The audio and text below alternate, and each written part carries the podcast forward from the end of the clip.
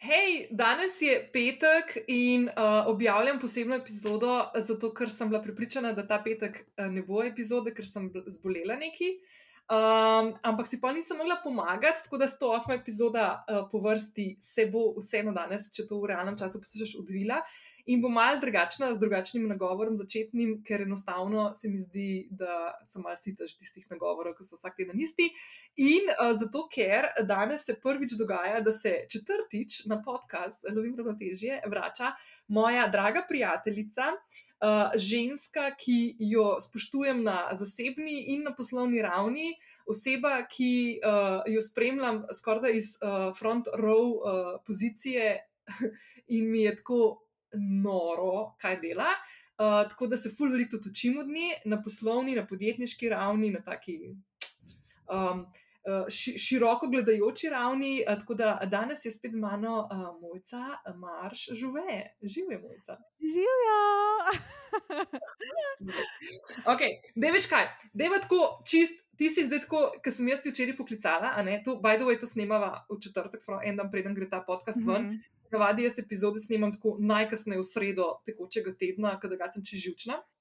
Ja. No, pa če ne objavim v petek zjutraj, itak dobivam že ful sporočila, da je epizoda. Tako da nimam časa to pol v petek rihta. V glavnem. Uh, včeraj, ko smo se pogovarjali po telefonu, neki, pa sem rekla, hej, kaj pa če bi ti bila. Uh, V podkastu ta, ta teden, ki sem jaz mislila spustiti, pa sem že razmišljala, kako naj najavim, da ta teden ne bo epizode. Um, In sem rekla, hej, kaj pa če bi v bistvu uporabili to epizodo za to, da poveš, da boš čez, uh, no, da pojeti. Ja, najprej, no, najprej, da rečem, da sem full humbled uh, nad tem uvodom. Res, prav, prav na jok mi gre, ker si tako mislim. Ono, jaz se spomnim, joj, prav ne vem, če sem že to govorila na, na tem podkastu, ampak prav spomnim se, drugač, ko sem jaz tebe spoznala, pa to. Uh, Meni si ti bila, ful, mislim, še zdaj si mi ful velik ozor. In jaz se spomnim takrat, ko sem mu kolegu povedala, da ja, danes grem pa na sestanek z eno punco. Pa on meni reče, skero pa, ki je malo poznal to sceno, pa jaz ko rečem z Nino Gaspari, pa on meni, oh moj bog, mojca, pa ti veš, kdo je Nina Gaspari, ti veš, kako čast Tako da res, jaz sem full humble, da si pač tako vod naredila, ker je pač the other way around. to smo se zdaj, drage poslušalke in poslušalci, to smo se zmenili, da si bomo najprej. Ja. ne, ne, ne, ne, ampak da ni. Ja, ja. Res, res. Tako da najprej pač to sam, da rečem, da sem humble, drugače pa ja, vračam se zaradi tega, mislim, ti si me povabila zaradi tega, nisem se sama. Uh, zato, ker odpiramo fizično trgovino Your Soul Time 8. decembra v Ljubljani kar je pač tako. Ful velik mentalni preskok bil za me, ker pač se ti me poznaš, jaz sem all digital, pač mhm. zmeraj sem delala vse prek računalnika, nisem mi dalo nič v živo, zdaj pa ži, v živo, zdaj grem pač čist pač v drugo smer um, s fizično trgovino v tem času. Da, ja. No, ampak je zanimivost, ne? ker jaz sem šla zdaj pogledat to najno podcast pota.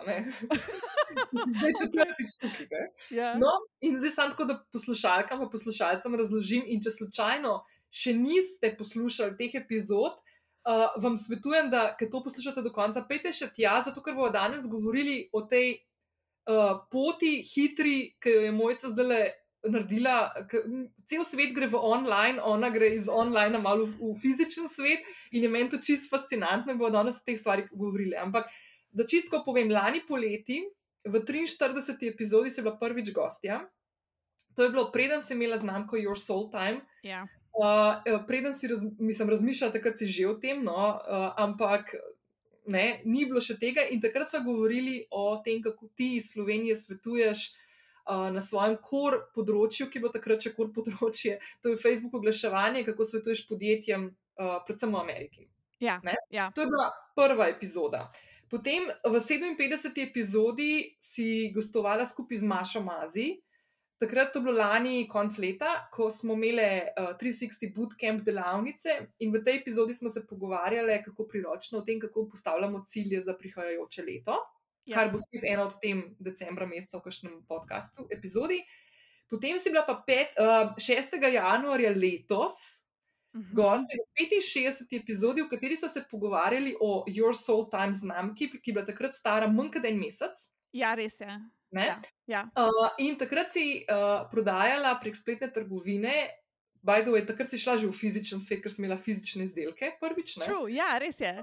No, in si uh, prodajala kadila. In takrat so se Ja. ful fokusirali na to, da, si, da prodajaš uh, Palo Santo, pa Beli Žajbel in ostale, ostale kadile, ki sem jih uporabljala. By the way, mojca bila prva oseba, ki je meni pred tremi leti prinesla Palo Santo v moje stanovanje in še zdaj imam to palčko tlene nekje na, na mizi. Uh, zdaj mi delajo še tvoji drugi izdelki, valjda. Uh, takrat si, ful smešan je bilo, da takrat 6. januarja, slab mesec potem, ko si začela z Your Soul Time, uh, nisi še imela kristalov, Ja, govorila si o posodicah, ki jih boš dala ven, ki kje so. ni Še še. so?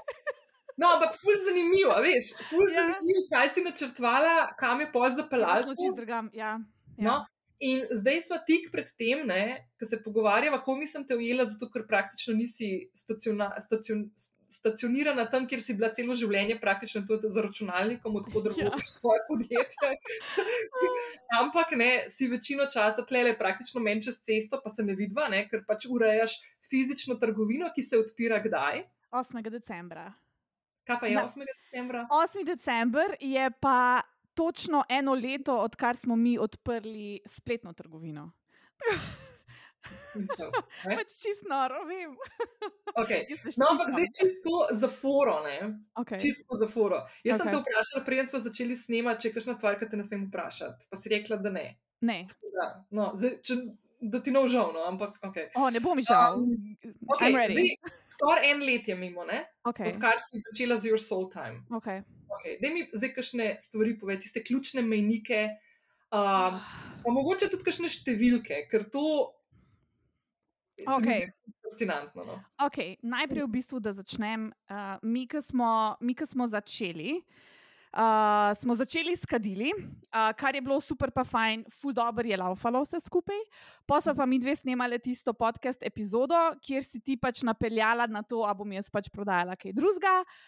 Pa sem pač nisem dojela in sem rekla, posodice, ki jih še zdaj ne prodajamo, smo pa že planirali, da bi prodajali kristale. Uh, in v bistvu takrat s kristali, ki smo mi kristale dejansko predstavili, um, se je vse skupaj začelo še hitreje odvijati, uh, in zdaj dejansko se je ta zaslužek, ki ga mi v bistvu dobimo noter, pre, 80% tega je kristalov. Nekje Okej. bi jaz rekla, sicer zdaj po zimi mogoče se je malo zamenjalo, no, ampak 80% je kristal, 20% so pa kadila. ne. No, to sem te hodila vprašati, kakšno je to razmerje. Evo, točno to sem te zdaj hodila Evo. vprašati. Zato, ker 6. januarja, ko so se pogovarjali, si malo zgubila misel in si pozabila, da načrtuješ kristale. Ne? Ja, ups. Zdaj imaš pa no, večkrat, Mm. sigurno, ve, eh, prioritetna, uh, prioriteten Ja. ja. stream oziroma prodaja je na kristalih. Ne? Tako, se mi zdi, da je v bistvu kristali so mogoče. Mogoče se- motim, no, ampak se mi zdi, da so malo bolj prisotni na naši sceni. Uh, bili dlje časa ljudje, kadil še ne, mislim, še takrat niso poznali to kfejs, tako da jim je prek kristalov, sicer so potem tudi dobili nek kontakt za uh, kadila itd., ampak ja, no, zdaj pa se nekako fokusiramo na kristale in z decembrom, upam, da lahko zdaj bomo tudi posodice začeli. Upam, da se ne bomo čez eno leto pogovarjali, pa imeli iste debate, kje so posodice. Za te posodice.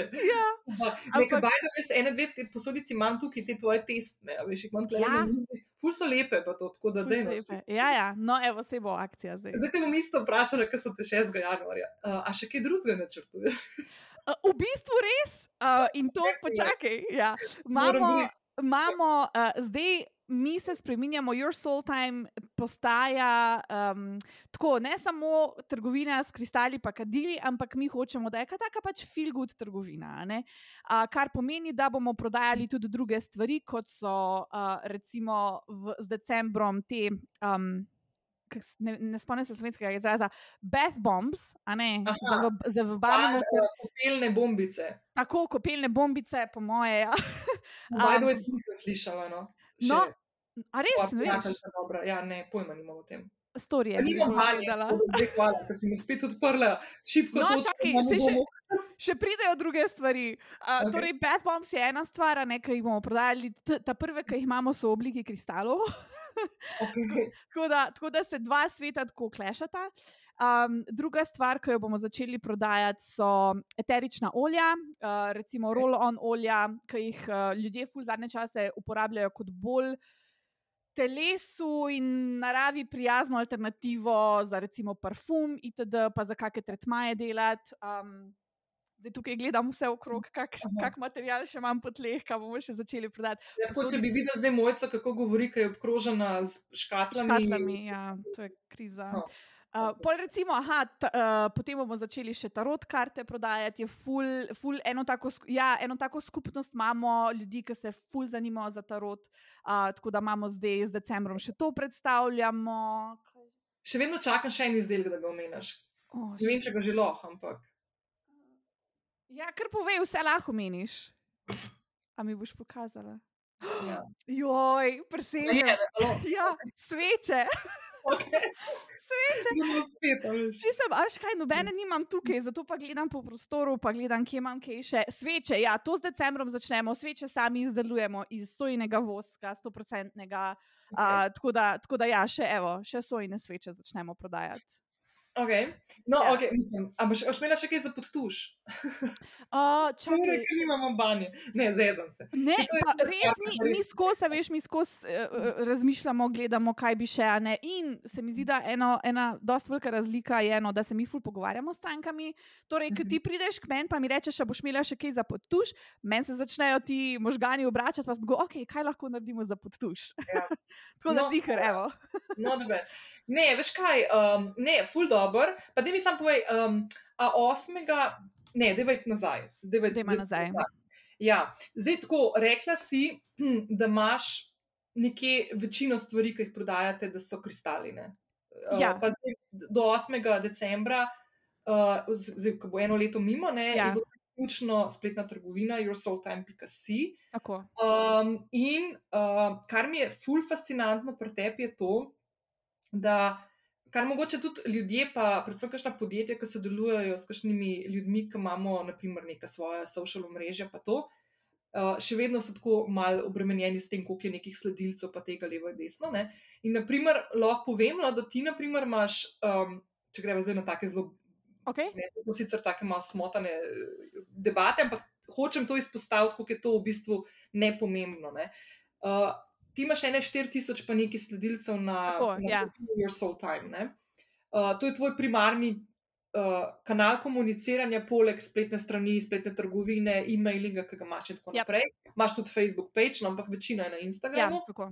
Ful imaš um, uh, upleteno skupnost, Res je. kar se vidi potem, ko ti objavljaš tudi njihove, repost, repostaš njihove objave in tako naprej, tudi kakšno vprašanje, koliko dobiš enih odgovorov, in tako naprej.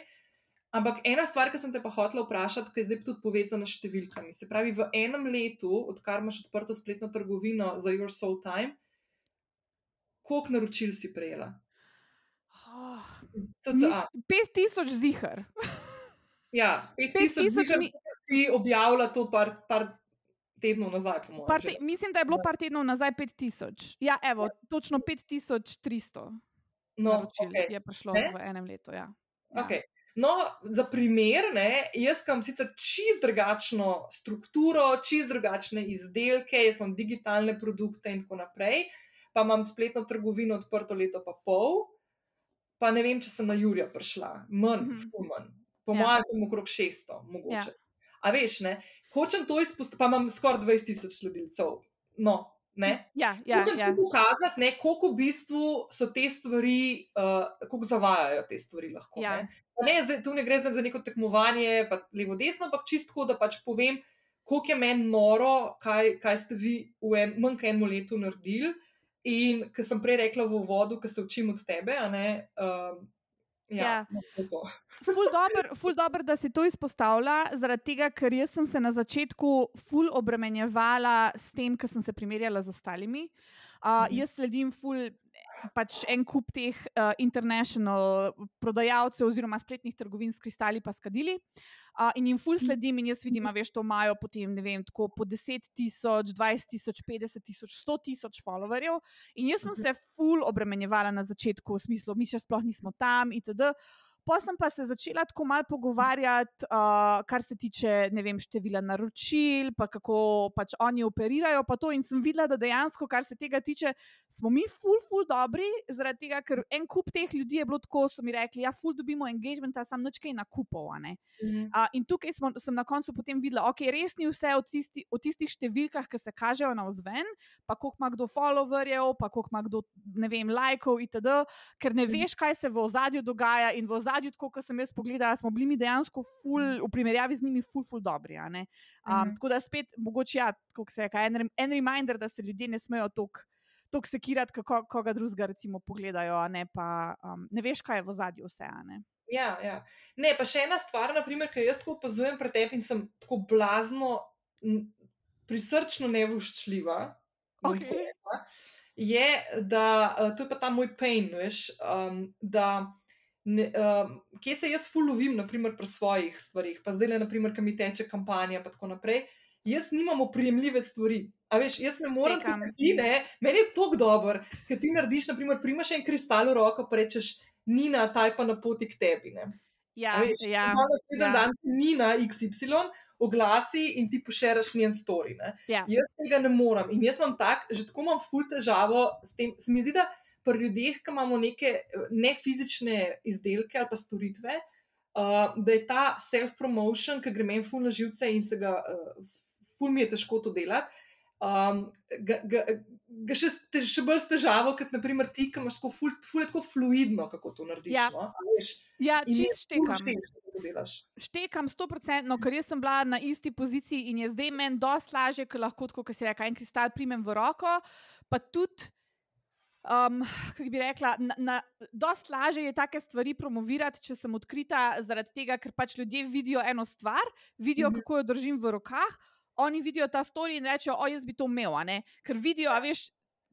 Eno je, ki ti vidiš story, recimo Instagram story nekoga, ki nek fizičen izdelek drži v rokah, pa si ga bolj želiš, pa ga kupiš, ne, kot -hmm. pa recimo, če ti en virtualno nekaj pokaže ali pa tako poskrola po računalniku, ja. nek dokument, ne, pa si tako, o, niso tako močna čustva pri tem nakupnem procesu, kot pa mhm. so pri fizičnih izdelkih.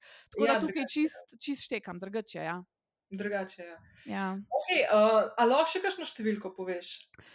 Lahko povem, da je izdelkov prodanih. Imáš to, kakšno je podatek? Nimam čist.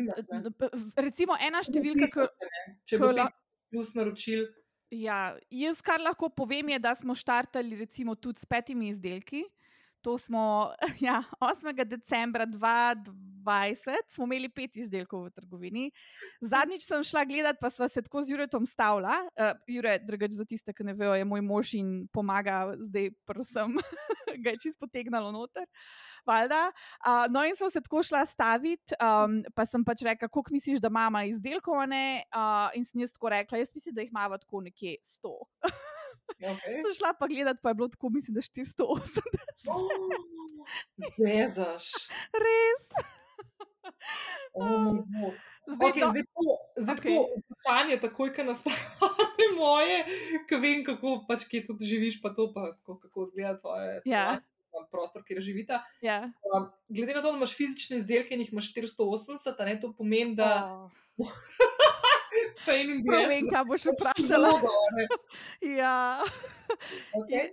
Jaz moram reči, da smo dost srečna, da um, živimo v veliki hiši, uh, kjer smo imeli ene par prostorov, ki so prej imeli drug namen. Recimo, ena soba je bila zgori, ki sem jo jaz imela tako sobo za meditacijo, pa za jogo. Pol smo imeli eno garderobo za najna oblačila, pa imeli smo hodnik, ki je imel funkcijo hodnika, no, uh mhm. -huh. te šti, tri sobe so pa pisarno mojo, ki je bila funkcija pisarne. No, kot ti... da je tvoja pisarna, ki vidim tam zadaj, kaj imaš. Ja. ja, in te štiri sobe so pač zgubile svoj namen in so vse postale skladišče. Ena izmed teh sob je postala pač. Eh, mi dva temu rečemo pakirnica, ne vem, če je pravi izraz to, ampak kjer mi dva pakirava naročila, plus skladišče je zraven. Tako da, ja, pač cela hiša je mal kaos. Ne, ampak ta pakirnica, to je ena soba, ki je bila čisto na začetku tista primarna soba, iz katere je šel Tako, tam, tako, tam smo imeli vso zalogo, tam je bila vsa zaloga, tako prvi mesec. Pol drugi mesec pa se je že zaloga začela seliti, zdaj pa dobesedno, pač brez pretiravanja, zmanjkuje placa. Jaz nimam pač več kam dati kristalov. Res. Čak, in ti boš vse te stvari zdaj vnesla v Ljubljano. Tako, mi dva smo v Ljubljani v bistvu najela dva prostora, oziroma tako dve. Dva skladišča, rečemo temu. No. Uh, en prostor bova um, preuredila v trgovino, uh, fizično trgovino, plus prostor za evente, ta drugi prostor pa bo postal skladišče. Zato, da ne mešamo tega, pa, skladišče pa pakirnica, plus delavnica za izdelavo sveč, pa za izdelavo posodica. Uh, mhm. Tako da ne bomo tega mešali med sabo in bo en prostor res namenjen pač tistmu, kako bi rekla. Čisti operaciji, uh, kar se tiče um, pač, uh, trgovina, pa prostor za evente, ta drugi mm. prostor pa bo bolj tak um, delovski, ne rečem. Okay. Tako, behind the scenes. Ja. Ej, da bomo vse predstavljali. Ja. Koliko ljudi je za Your Soul Time? Koliko ljudi je zdaj v Your Soul Time? Jaz pa Jure.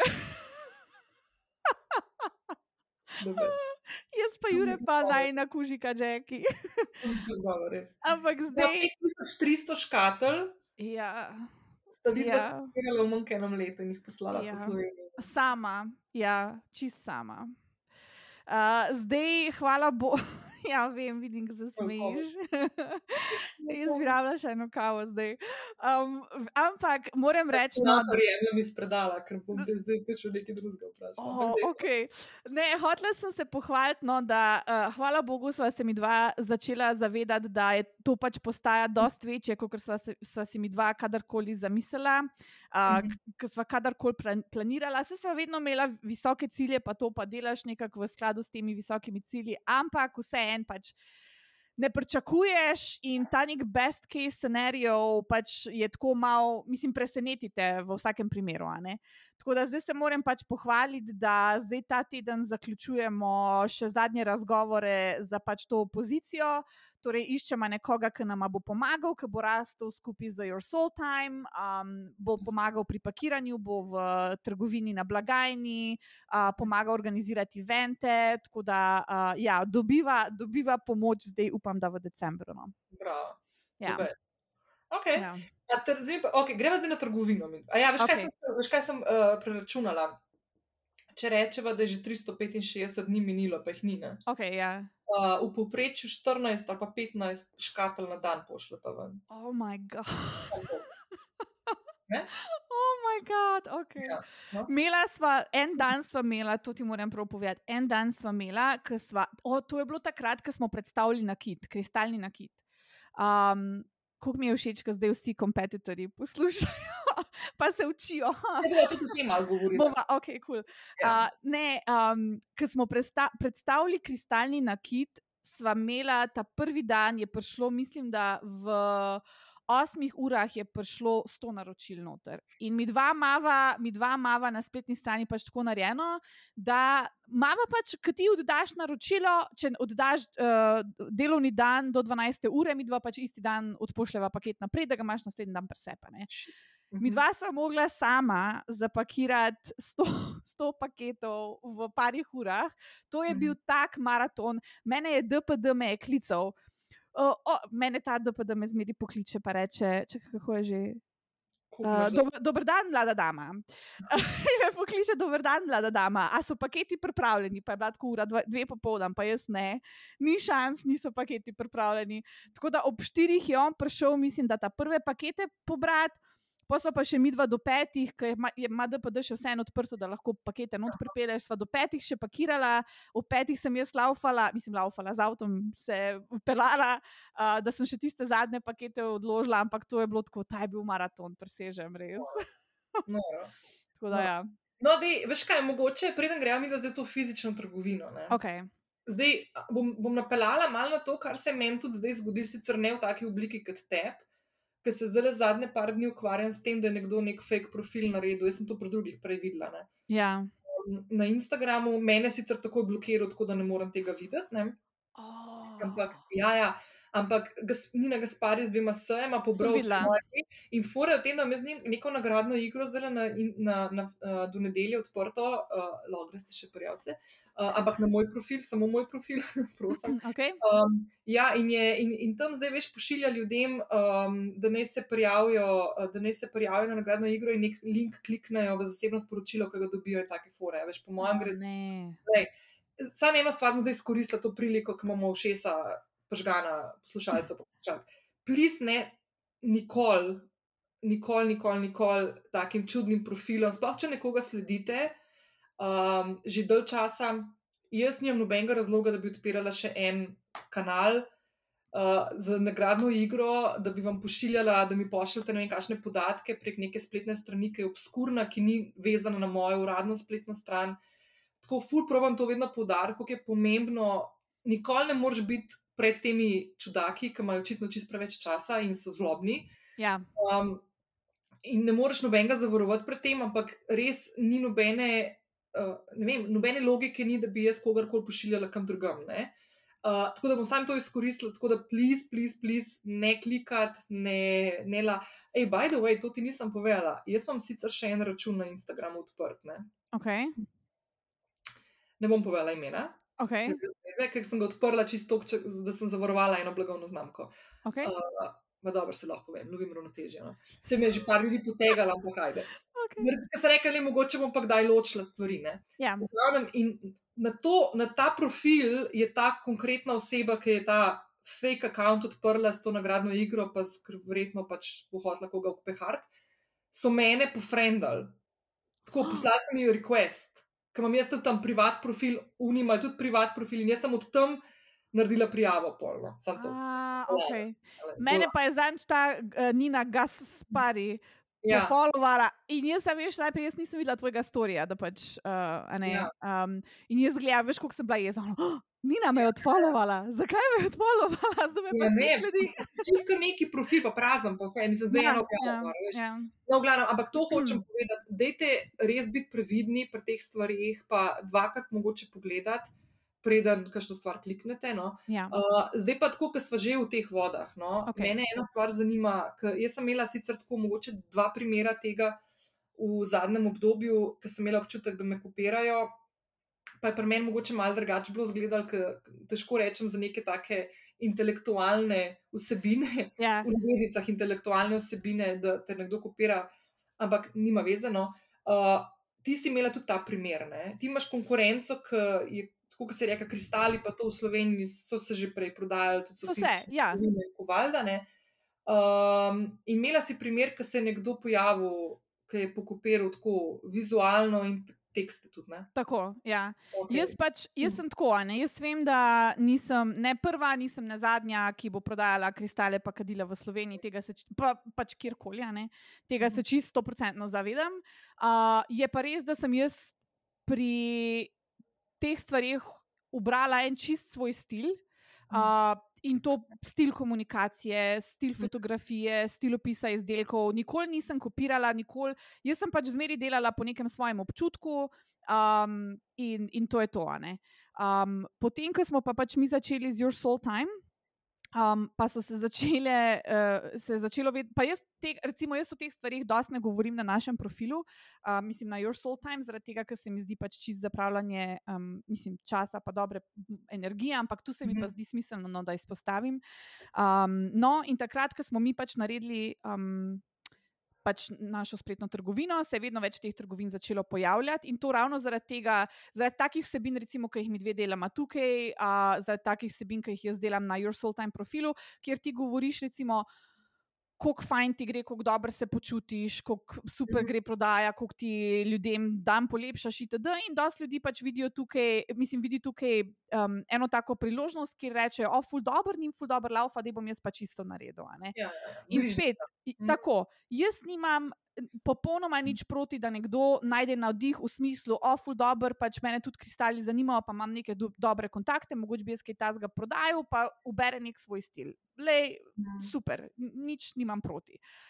Drugo pa je, ker se nam je začelo dogajati, da recimo uh, ljudje naročajo naše izdelke, pa jaz to vse vem, jaz sem dober detektiv, ampak mm. naročajo naše izdelke, tako da vidijo, kako mi zapakiramo, da vidijo, kakšne sporočilce mi damo noter in dobesedno, word by word, pač kopirajo stvari. To je bil recimo en primer ene spletne trgovine, um, ki še zdaj v bistvu kopira, se nam je že večkrat zgodilo, jaz dam en story gor in pač oni direkt pač mhm. kopirajo. Zdaj, hočem, en, mislim, hočem tako primer dati, ampak da ne bo čist isti primer, ki pa pač nočem razkriti kogarkoli. Ne, ampak, se ne, ne bo to. Ne. Ja, ampak v smislu, a veš, na pamet jaz bi napisala. Uh, Ne vem, uh, poglejte ta beli žajbel, komu je še všeč beli žajbel, pa pol, in dobesedno dve uri kasneje je pač ist, isti storij bil na njihovem profilu. Take stvari se dogajajo. Dogaja se to, da nam pač ena druga spletna trgovina, to smo mogli tudi odvetnike pač umešati uh, iz naše strani, da so dobesedno tekst kopirali pač iz naše spletne strani in je to to. Zdaj, tretja spletna trgovina se je spet pojavila, um, ker so čist stil fotografije, ker smo mi en svoj stil fotografije razvili. Uh, in to je trajalo nekaj mesecev. Zdaj, če pri nas, če greš gledati fotke za nazaj, pa fotke, ki zdaj delamo, to je čist drugače. Zaradi tega, ker smo pač razvijali do te točke, da smo prišli, da so res lepe fotografije zdaj. Mm. No, in en je pač tako, ker se je neka bližnica. Je videl in je rekel, ah, kul, cool, tam bom pač uh, tako ozadje si bom kupil, take posodice bom naredil, take posodice bom dal, bom čist isto naredil. In jaz take stvari odkrijem, zaradi tega, ker nam sledilci pišejo, ker v bistvu ti brendi še to naredijo, kar so tep naredili. Ja, torej, oni grejo po naši follower listi in sledijo folk, pa jim začnejo sporočila pošiljati. Mm. Jaz moram pa res pač se mislim, pohvaliti, oziroma moram hvaležnost izraziti um, naši skupnosti, ker je res ena taka srčna skupnost in pač je ni. Tako kot jaz večkrat, večkrat rečem, your soul time ni samo trgovina, ampak je skupnost ljudi. Mhm. -huh. In ravno ta skupnost nam potem meni reporta te zadeve in mi pošlje, hej, mojca, jaz sem bila čizmedena, jaz sem prišla na njihovo spletno stran, jaz sem mislila, da si to ti, ker so iste mhm. -huh. fotke, isti fonti, isto spletna stran postavljena. Tako da ja, vedno več se tega dogaja in je žal, mislim, pač meni je žalostno, no, ampak eh, sploh te bližnjice, ki jih ljudje izbirajo za tega, ker jaz pravim, da je to nekaj kreativnosti na našem svetu, toliko različnih poti, ki jih lahko ubereš. Tok, na, raz, na deset tisoč različnih načinov lahko greš ti kristale prodajati ali pa kadila prodajati, pa ne bo niti malo podobno mojemu stilu oziroma našemu stilu. Um, pa jaz to pozdravljam, ne, ampak dosti ljudi je pač takih, da rečejo, ah, jaz bi pa tudi, ne vem, imel, da mi fajn trgovina laufa ali pa da bi pač en biznis naredil, grem jaz zdaj dobesedno, ker sem že tudi videla te trgovine v Sloveniji, iz Alibabe kristale naročiti. Uh, vprašljivega izvora, včasih tudi pač umetni kristali, in grem to prodajati na isti način, kot ona v bistvu prodaja te svoje kristale, ki je mesece in mesece resrča delala, da je prišla do nekih dobaviteljev, itd. Ne? No, se to pa druga stvar, nekaj te vprašajo, ki kupuješ. Ne? Ja, teh sporočil dobim jaz ogromno, kje, kje kupujem kristale. Tako, mislim, jaz se v koleno ustrelim, da ti povem, to je prva stvar, druga stvar, tok časa, ki sem jaz pač investirala v to, da sem jaz research, da sem naredila, kje. Mm. Eh, so zanesljivi dobavitelji, ki ne izkoriščajo delovne sile, a, da ni otrok, ki bi delali v rudnikih. Itd. Jaz sem to toliko časa zabila za to, in, in pol pač dobim ene ljudi, ki me pofolovajo in še isti dan pošljajo sporočilo, kje kupuješ kristale. Ja. Mm. ne gre tako. Ja, ja, ja. Oh, to bi bilo super, a ne? ja. Mislim, ja. Ja, tako ni, ni tega občutka. No. Se tudi jaz, pa ja, dobim kakšno tako vprašanje, pa pol niti ne odgovorim, ker se mi tako, pa ne za mal zdi, ampak pa jaz nimam takih stvari, kot ti, pa tudi naredim kakšen research, pa tako. Ja. Veš, se mi zdi tako, like, pa, pa, pa by the way, v mojem primeru so stvari take, ki greš na Google, pa vtipkaš par stvari, pa, pa dobiš fulejnih primerov, pa, ja. ali, pa, ali pa aplikacij, ki ti lahko pomagajo, da kakšne stvari narediš. Ker res nisem tople vode odkrivala, kot ti, na primer. Ja. Ne, pa se mi zdi včasih tako kamorno. Ampak jaz vedno pravim, tudi pri teh digitalnih izdelkih, ker konec koncev jaz tudi iz tega sveta prihajam. Sej ljudje lahko grejo pri tebi, pa pri tvojih vsebinah, lahko grejo na Google pa stvari researchati. Sam lahko pa kupijo od tebe in ti si v stari srč že naredila in je to to, a štekaš. Pač, uh, tako da, ja, pa, mislim, ja. Ja žal, žal. Tako, ja, se tako, veš, jaz tudi vedno tako razmišljam, tudi te stvari, ki sem jaz imela primer, ko sem opazila, kakšne, tako, ko sem mal. Te, jaz težko, jaz ful teži rečem, naprimer, kopirati, zato ker nimam na tak način ja. izdelka. Ampak druga stvar je, da tudi jaz tukaj nisem neke tople vode odkrivala v tem smislu um, z nekimi vsebinami, ki jih jaz pripravljam. Mm. To so stvari, ki greš spet na Google, pa vtipkaš, pa lahko dobiš še mm -hmm. tisoč menih ljudi, ki govorijo o istih stvarih. Ja. Kaj jaz tukaj poskušam vedno dati zraven in doprinesti zraven, in kako se lotim stvari, je to, da gledam skozi svojo zgodbo, skozi svojo pot, skozi svoje izkušnje in upletam noter spoznanja in, in stvari, ki sem se jih jaz naučila na ja. tej te poti, in poskušam ali vaje ali pa urodja, tehnike zapeljati na način, ja. da sem ja. ga jaz nekako. Ja. Našla, ja, to je to. Tle je v bistvu edit value, ne, ne ja. v tem, da se rečem, kako najdeš svoj zakaj, ampak kako sem se jaz tega lotila in kako sem do tega prišla. Ja. Se, mi ja. pa, se mi pa zdi, da je to kopiranje um, res ena taka slovenska stvar, če sem odkrita. Zaradi ja. tega, ker v tistem, mislim, da je bil glih tisti teden, ko so nam sledilci začeli pošiljati pač to spletno trgovino, ki ima pač tako iste fotke, kot mi, pa zgleda prav ista spletna stran. Uh, in so nam začeli pošiljati, pa mislim, da je bil to tisti teden, ko je Nuša gnezda. Uh mhm. -huh. Tudi govorila o svojem primeru, uh, ki jo pač isto kopirajo. Ja. In sem se jaz takrat začela s temi kolegi iz Amerike, pa iz Nemčije, tako malo pogovarjati, pa kakšne izkušnje imamo, pa kaj se nam zdaj dogaja. Ne? So bili čist šokirani. Oni so mm. bili tako, kako je to možno, meni se še to ni zgodilo, pa so to ljudje, ki imajo uh, podjetja, ki delajo več milijonov na leto, pa so tako. Ni mi jasno, kako se to tebi dogaja. Pa se mi zdi, da potem tekom tega pogovora sem jaz ugotovila, da je res to taka, ne vem, taka slovenska stvar. No. Ja, veš, kaj to, ta, veš, kaj, to so ti narodi. Mi smo tako, veš, ve, ne vem, ta. ta um, To uh, branjostvo, veš, to cenjenje. Ja, ja, ja, ja, ja, ja. Mislim, kar, kar načeloma, to so mehki narodi na koncu. Ja, vsak ja. se pozna, nekako iščeš to, ja. nekaj. To, dejansko, če tako pogledaš, vsi to počnemo. Ja, ja. V življenju smo tako ja. navajeni in pač tako furamo. Ne? Zdaj, ena stvar, ki tukaj se ljudje velikokrat ne zavedajo, ne, je, da imaš ti tukaj lahko mehanizme, s katerimi lahko resno, resno nekoga užgeš. Ne, ja, res je. Ja. Veš, ja. Kot ti reče, da si pač odvetnika poslala. Ja.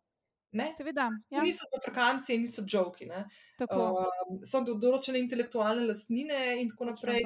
Jaz tudi vem, da sem zdaj, naprimer, v letošnjem letu Um, sem, sem tudi naredila registracijo blagovne znamke in vsega tega levega, desnega, ki prej nikoli nisem se tega šla, zdaj sem to šla narediti in tako naprej. Uh -huh. um, in ja, pač so, so, z razlogom so te stvari in ti mehanizmi obstajajo. Ja, tako. tako. Nočeš poslušati tega, jaz tudi nočem tega. Jaz sem imela tudi ja. dva taka primera, ki ne, se veš, ti poznaš te zgodbe. Ja. So, ne, nočem te energije in tako naprej, okrog sebe, ampak včasih res ne moreš drugače. Tako. Jaz, tudi, ne, jaz sem tudi takrat, ko smo imeli ta primer, sem pač bila tako, meni se to ne da s tem ukvarjati.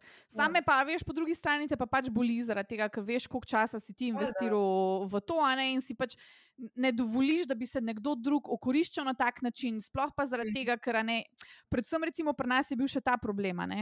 Mi ful pazimo na to, odkje dobivamo mi kadila, odkje dobivamo mi kristale, in res damo veliko srca noter, da je pač to ne vem, organsko, uh, da ne vem, pri kadilih, da niso. Uh, um, um, Kaj bi rekla, izropana ta, ta native land uh, američanov, ne teh staroseljcev, itd. pri kristalih, da se ne izkorišča delovna sila. In potem, recimo, ti, ki vidiš nekoga, ki copy-paste tekst, tekst, v katerem piše, da se pač te stvari pazijo, ne, ne, ne vem, na ta pač fair trade, itd. Jaz sem našim sledilcem rekla, gledaj, jaz ne vem, ne, če njim, a, a lahko njim zaupaš, ne, če copy-pastejo take stvari. A, tako da potem je še to, ne, ta, ta aspekt, ne, da spet ne veš, od koga kupuješ, ne, kako energijo s tem kupuješ na nek način. Ne. Tako da ja, to, to še potem večkrat bolj boli, ampak gledaj, zdaj so te te zgodbe zaenkrat no, za nami in se jaz osredotočam na pač to stvar, ki jo pa ljudje ne morejo kopirati. To sem tudi povedala na našem profilu in to je po isto ta skupnost, ki jo imamo. Tako da ja. tekste lahko, fotke lahko, skupnosti pa, skupnosti pa ne. To pa ful težko je. Ja. Um, ja, ej, ful, hvala. Zdaj sem imela, skoraj sem iz, izkašala pljuča. Ful, hvala, si... Me veseli, da si preživela. ja, hvala, hvala. Dobro se to vidva, veš, da ja, lahko ja. ponovno časa govorim. Um, ej, um, ok, deva je mogoče zdaj malo v to fizično trgovino. No? Ok. okay. Najprej mi spovedi, da sem najprej ful vesela, ker te bom večkrat lahko tukaj tudi videla. Ja, jaz tudi, jaz tudi prav, prav ful ste excited, res. ne, to best. Pa jaz sem bila že v tem prostoru in je tako amazing, čeprav jaz sem bila koliko časa nazaj, dva meseca. Ti si bila, preden smo sploh začeli, ti si bila di OG, ti si bila, mislim, da tako prva, ki je videla ta prostor, poleg mene pa Jureta, pa pač lastnika. Ne? Ja. Okay, kaj se zdaj tam dogaja? Da ti tako razložiš, kako bo to izgledalo, kaj se dogaja. Ja, ok. Uh, skratka. Mi smo pač ta, ta prostor, ima že osnovo, full, full, dobro zastavljeno, uh, v dveh um, nadstropjih je, in mi bomo v bistvu v spodnjem prostoru imeli fizično trgovino uh, torej Your Soul Time, kjer bomo prodajali kadila, kristale in ostale pripomočke za dobre počutje, tako jaz rečem temu. Uh, v zgornjem prostoru bomo pa mi v bistvu imeli, ker tako kot sem rekla, Your Soul Time ni več samo trgovina, ampak ena skupnost in bomo imeli um, prostore za to skupnost, kar pomeni neki event space uh, za jogo, za meditacijo, imeli bomo fotelje gor, da bo ljudje lahko prišli, vzeli kako knjigo, mogoče kaj prebrali, um, se skratka umirili, oziroma bo to tako, tako kot en tak chill space v tem kaotičnem svetu, kaotičnih dnevih, da nekam, se, kamor se lahko pridejo umiriti. Zdaj, mi pač prostore, ki smo dobili, to je bilo čisto vse. V smislu, pač ble, se je bile so stene, bile so stopnice, zgledalo je nekaj, ne, mm. ampak ni bilo nobenih polic noter itd. Kar je prednost in slabost v enem. Um, prednost je to, da pač lahko mi čist po svoje opremimo. Uh, slabost pa pač to, da je ogromno, ogromno dela in ogromno nekega denarja, ki ga je pač treba noter vložiti. Uh, in sem že zdaj slišala, zadnji dni govorice v smislu, hej, odkot, odkot ja. nima denar. Uh, ona dva morata zihar imeti bogate starše, pa se tako ne, mi dva sama vse to financiramo. 5300 prodanih uh, paketov. Ja, evo, to, dobesedno to. Um, pač, lej, ta denar sva mi dva investirala, noter denar od Super Spicy Media, torej od mojega primarnega biznisa, Facebook, oglašanja, tudi jaz ta denar, ki še zmeraj to delam. Ne? Uh, pač... Ampak, malo spremeniti, da to ni več primarno. Ja, ne vem, veš, sem na, tem, na tej točki, sem, ki še ne morem reči točno. Aha, okay. Ampak, ja, no. Uh, skratka, in v bistvu ta denar iz tega potem dajemo pač uh, noter, ampak to pač mi dva v bistvu vse sama financiramo. To ni nobenih investitorjev, jaz nimam nobenega kredita, meni banka ne bo dala kredita. Um, ne glede na karkoli, ker pač sem še zmeraj, mislim, da smo odprla del OA, ne, ampak še zmeraj zmeri primarno pač je SP in tu pač lej, ne gre čez. Sama veš, kako je to. Medklic, medklic, dragi bančni uslužbenci, tisti, ki oh. imate kakšno besedo. Dajte malo začeti razmišljati o tem, da SP-jevci, ki smo odgovorni s svojim premoženjem, nismo uh, taki, da bomo kredite dobili, pa pol zaprli že v stečaj, a ne bomo 36 tisoč krat prej premislili, ker bomo rekli za kakšen denarček. Tako da, dajte biti malo fleksibilnejši. Okay. Tako, jaz se strinjam. Recimo, mhm. sploh pri SP-ju, meni je to, zdaj, če, če greva tako na kratek rent, pogreva pa nazaj na temo. Ja, ja, ja. Oh, glej, uh, sej ni skrivnost, jaz sem bila na svojem podkastu pri Super Spicy Media, meni ni težko za služke govoriti. Jaz sem pač človek, ki sem ja. zelo odkrita glede tega. Ne? Super Spicy Media uh, pač delam uh, med 10 in 13 tisoč dolarjev na mesec s uh, svojimi pač, uh, strankami jaz kredita, pa kakršnega koli večjega posojila, jaz ne morem dobiti. Ne?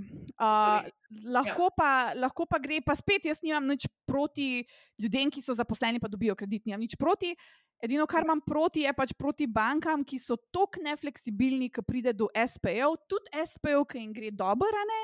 Um, pač čist, le, nič, ne. Sploh mi SPO-ci, tako se reče, mi smo extra careful, mi pač le, s svojim premoženjem odgovarjamo za vse, pač tu le, ni popuščanja. Ne? Tako da pač mene to res boli, in, ampak to je še en dokaz, da jaz pač ljudem povem, mi dva vse sama financiramo, mi dva nimamo, nobena ma nič ne posodi. no, jaz sem za eno stvar povedala prvič javno. Okay, jaz sem redi. Zdi se, kot sem ful, ful jezna. Okay. Jaz sem od svojega 16. leta komitentka iste banke. Ne bom okay. povedala, kere, ker je brez veze. Yeah. Ne gre za šejmanje v tem smislu. Yeah. Jaz sem pri tej banki dva računa, poslovnega in zasebnega. Yeah. Okay?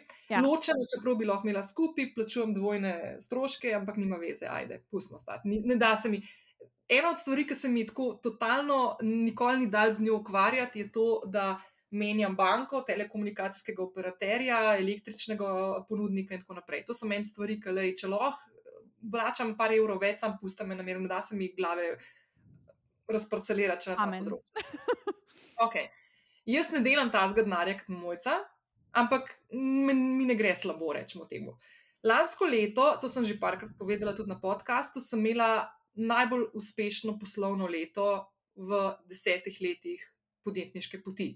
Ne delam milijonov, ni bilo velikega, tudi povedala sem, da so mene moji strahovi zelo veliko zadržali, tudi na tem, koliko zaslužim, ker sem imela strah pred uspehom in bla, bla, bla. In lansko leto sem to prebila, kljub temu, da je bila korona in vsem ostalim stvarem. Kaj se je zgodilo na moji banki avgusta meseca um, letos, je bilo to, da sem jaz prosila prek spletnega obrazca na spletni banki, na zasebnem računu, če mi lahko, prosim, dvignejo limit, ker sem hotela nekaj kupiti če mi lahko kup, uh, dvignejo limit, ki ga imam trenutno na, na zasebnem računu 250 evrov na mesec, grem lahko v minus. Pa nič na robe s tem, ker nočem biti v minusu. Ja, cool. sej, štekam, ja. Ni panike. Ampak jaz sem imela do treh let nazaj 500 evrov na mesec. Zdaj reka, mi lahko date na 500 evrov, ker se mi zdi, ne, ne zdi neki drama. Baj, ne. na kreditnih karticah imam Jurija pa polno, če ja. ne vem, kaj to lahko imam. In sem to prosila in mi rečejo, da ne pošljem. Uh, dva dokumenta. Eno je bilanco lanskega leta, in drugo od Fursa, da imam poravnane vse dej, uh, obveznosti do okay. države. Okay. Ni panike, nikoli še nisem zamujala z nobeno stvarjo, noben dolžnik nisem in tako naprej pošla. Na kar dobim zavrnjeno prošnjo.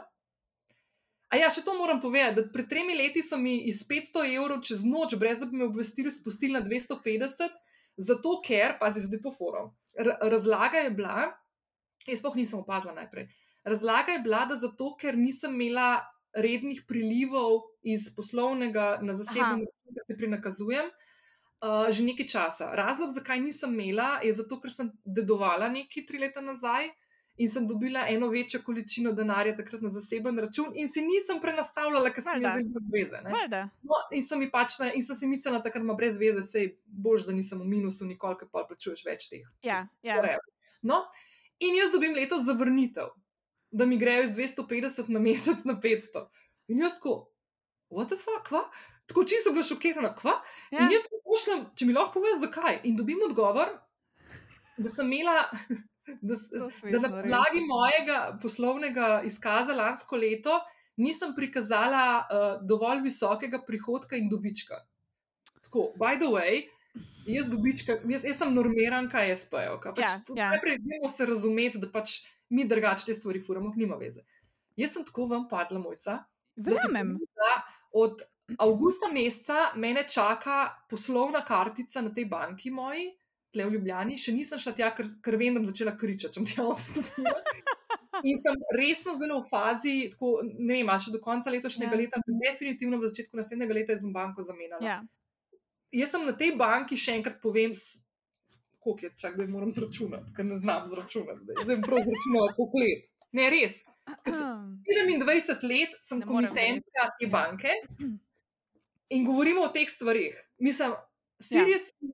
Ja. Ja. No, sam to. No, da, no. Jaz imam ja. isto na osebnem računu, um, imam tudi, mislim, da tri, 300 evrov lagre v minus. To je to, kar oni meni dajo. Um, na poslovnem računu tega sploh nimam. Uh, tako da, jaz, ja, pač. ne, jaz ne. Ne, mi se nima veze, mi se a veš, ne rab, ni fura v tem, ne, ampak gre za nek tako odnos, pa za nek, ja. mimo grede, mimo grede, enkrat v 27 letih se ni zgodilo, da bi mogla jaz, bi mogla meni, da na, banka nekaj trgati iz računa, ne vem, vizo ali whatever, ja. in da ne bi imela gor keša. Ja, Pri meni je to. Kredit, ki imam pri njih za avto, se še ni zgodil, da bi prišel tisto 18. mesecu, ko mi to ne bi bilo. Ja. Ja. Veš? Ja. Ne se za modeli. Ja. Meni se no. zdi, da oni pač res tako, ko vidijo ta SP, ne se takoj vrata ja. zaprejo, avtomatsko. Ni važno. Jaz takrat, že, ko smo mi dva, um, mi dva sva enkrat sva poskušala dobiti, pa tako, kot nek kredit je bil. Mislim, da je bil tako, kot nek kredit. Prvič, da sploh povem, pač, koliko dokumentacije je to bilo, meni se je odpeljalo. Um, drugič, pa je bilo na koncu tako banalna vsota, taka banalna vsota, da sem jaz rekla po pravici. Tako mislim, da je bilo takrat, pa to je bilo par let nazaj, mislim, da je bilo tako, da so rekli 2000 evrov. Pa sem bila tako, lej, rajšne. Ja. Pa sploh nisva vzela, ker sem rekla, gledaj, po pravici povedano, rajšne. Pa da še imam potem stroške s tem. Ne vem, sem rekla, takrat sem si rekla, rajšne, pa bom stisnila, pa nekaj naredila, pa bom še rajš mal več zaslužila, pa si svojim denarjem nekaj plačala. In evo, takrat mislim, da je bilo, ker sem tisti kurs za Facebook Ads lansirala. Ker me je to razjezilo, pa sem rekla, ne, ne bom, bom šla rajš, pa bom nekaj za sebe naredila in evo. No. Kakorkoli. Ne, ja, veš, ko se ti res zdi, in by the way, veš, kaj največja bizarka. Ne? Pa se pa tako septembra enkrat dobim z eno kolegico v centru Ljubljane, uh, z eno kolegico PR-ovko, ki ima dva ja. otroka. Yeah. Starejši, Aha. mislim, da je zdaj tretji, četrti razred. Okay. Jaz ne omenjam, ker sem čist čisi sebe, ker se to en dan prej zgodilo. Yeah. Ali en teden, se ne vem. In jaz to ne omenjam. Ne? In ona me gleda in reče: čak malo. In mi pove, da ona ne, pač zaposlena, pa to se nima veze. Yeah. Ona na eni drugi banki, sicer, ker ne bom povedala, kje je, ker je brez veze spet. In da ima njen sin kartico, ki je sicer vezana na njo. Okay. Svojo kartico, da jo ima, pač tam malo, ampak je 12 let, se mi zdi, star. Okay. Ja, za 12 ali 13 let in ne vezan sicer na njo, ampak da ima on Jurija 200 limita na tej kartici. Pa, pa sem ti rekla, ok, prvo kot prvo, vsake čas, da mu to zaupaš, drugič pa, kaj? oh moj bog! Ja. Vidiš to, gledaj, vi se. Jaz sem res prav počutil, da je en, en dobil na trenutek. Ja, jaz tudi, ono kaj delam na robe. pa pa še ena stvar, veš, pa pa vsakeč, vsak mesec, zdaj, zdaj sem plačala, prejšnji mesec sem plačala Jurija DDV. Ja. Ne prejšnji mesec, prejšnji teden, ja. za rojsten dan svoj. Ja. Ja. Sem plačala ena, 12 dni pred rokom, ja. Jurija evro DDV državi. Ja. Ja. Veš, pač res ne delam slabo, no, v redu ja. mi gre, več ja. mi ne manjka ja. pismo. Ne, sploh ne bom. Lej, oh. ja. Ej, po mojem, bom, sorry, drage poslušalke in poslušalci, ampak to, samo to, da vidite, s čim se ukvarjamo, podjetniki tudi na trenutke in kako manevriramo s temi stvarmi. Zdi se mi pomembno, da se teh stvarih pogovarjamo. Meni se tudi zdi. Ja. In, in jaz bom verjetno sem še odločila, ker bi rada videla, kako bom to zapeljala. Ampak po mojem, vas bom jaz odnesla na pot menjave banke kot podjetnica. Res, ker me res. Zato, ja. ker ful bi rada te stvari dokumentirala in pokazala zelo tako na nek plastičen, uh, transparenten način, kako, zakaj in tako naprej. Predvsem se mi zdi, da je pri nas mogoče ta, meni je fully všeč ta ideja, drgač, uh, da bi to posnela. Meni se zdi, da vsi uh, samostojni podjetniki, fully imamo te mehurčke, znotraj katerih se mogoče tako malo pritožujemo, sploh nad bankami, pa krediti itd. Nikoli pa ni nobenega, ki bi mal se poglobil v to temo, pa javno povedal, pač, kako stranje je za SP-jevce pač ja. bančništvo. Ja. Pa veš, pa tudi tako le primer, ne? zdaj so fuz zajadrale. Bo še na zadnjem govorilo, ne, ne, ampak klice. Ne, Pa ful sem v bistvu, se zdaj to ful grdo, ful sem pomirjena, da imaš ti iste težave, pa delaš še boljš, kot jaz. Lej, identično, identično. Ne, ampak veš, kaj je še ena stvar, ne? primer. Ne? Meni lansko leto, ko se je zgodilo ta COVID, pa to ne, uh, sem si mislila takrat, ok, uh, samostojni podjetniki, mali mikropodjetniki, ki smo naprimer v tej obliki SP v Sloveniji, pa mimo grede, da je tako še reči. Jaz pa ti smo na SP-ju, ker smo se tako odločili in ker nam to sedi in odgovarja. Ja. Ogromno enih ljudi na SP-jih pa so dejansko zaposleni. Ja. Pa je oblika SP, zato da delodajalci manj plačajo na koncu. Ja. Okay. Tako pa, da se s tem niža, pa da lahko naša vlada govori, da imamo manj kot 4-odstotno brezposelnost, bullshit. Ampak ok, nima veze. Um, kaj sem hotela reči? Je, jaz sem lansko leto, pa sem tudi to že povedala parkrat na podkastu, sem zaprosila za pomoč državno marca meseca, ker nisem vedela, kaj se bo zgodilo. Pa zato ja. sem skenirala ta glavna dva naročnika en mesec pred COVID-om, ker nisem vedela, da bomo zaprti pol ne vem, koliko časa in da se bo ta šit zgodil in ja. sem bil krčev. In jaz sem zaprosila za pomoč in bom zelo transparentno povedala, da sem dobila 1750 evrov lansko leto za pomoč, uh -huh. za mhm. dva meseca in pol, tisti temeljni dohodek, kaj je bil, za dva meseca in pol, ja. Pa 1000 evrov sem dobila uh, odbitka za, prihod, za prispevke. Za dva meseca. Ja. To je 2750 evrov. Jaz sem v letošnjem letu, ker sem lansko leto bila tako pridna in presegla načrte, kljub temu, da bi lahko taktizirala. Ja. In bi lahko na črno kakšno stvar naredila, ja. ali pa da bi bo drugi izdal račun za mene, sem rekla: ja. Ne, jaz hočem svoj strah premagati, hočem iti čez tisto omejitev, ki sem jo imela in sem zaradi tega, pa ne samo zaradi tega, jaz drugačen tudi tako, da spoštujem pravila, hotla te stvari tako narediti Ja, in nisem ja. šla, kot so večina drugih mojih kolegov delali. In sem zaradi tega mogla ta denar vrniti letos. Ja. Ne? Država, Republika Slovenija od mene pričakovala, da bom skoraj tri ure vrnila takole. Ja. In sem prosila za odlog plačila in sem dobila za šest mesecev. Jaz bi zadnji račun mogla plačati februarja 2022, ampak sem vse stvari poravnala v začetku septembra. Ja. Okay, Ja. Naprej. Ja. Okay. Jaz, kot SPO-ka, odgovorna, zato ker vem, kaj se bo zgodilo, če jaz ne bom plačala prispevkov ali pa davka do polnoči tisti dan, ki je rok, mi bo zablokirala račune. Mhm. Torej, koliko firm je vzel na enak način um, pomoč kot jaz lani, pa ne 2 ure 750, ampak so bili milijoni. In so par mesecev kasneje zaprli fabrike in šli. Ja. In ne samo, da so ostali dolžni državi, ker ne bo mogla tega terjati nazaj, so verjetno bili zraven tudi kakšni krediti pri bankah, ki bojo šli v odpisovanje in tako naprej.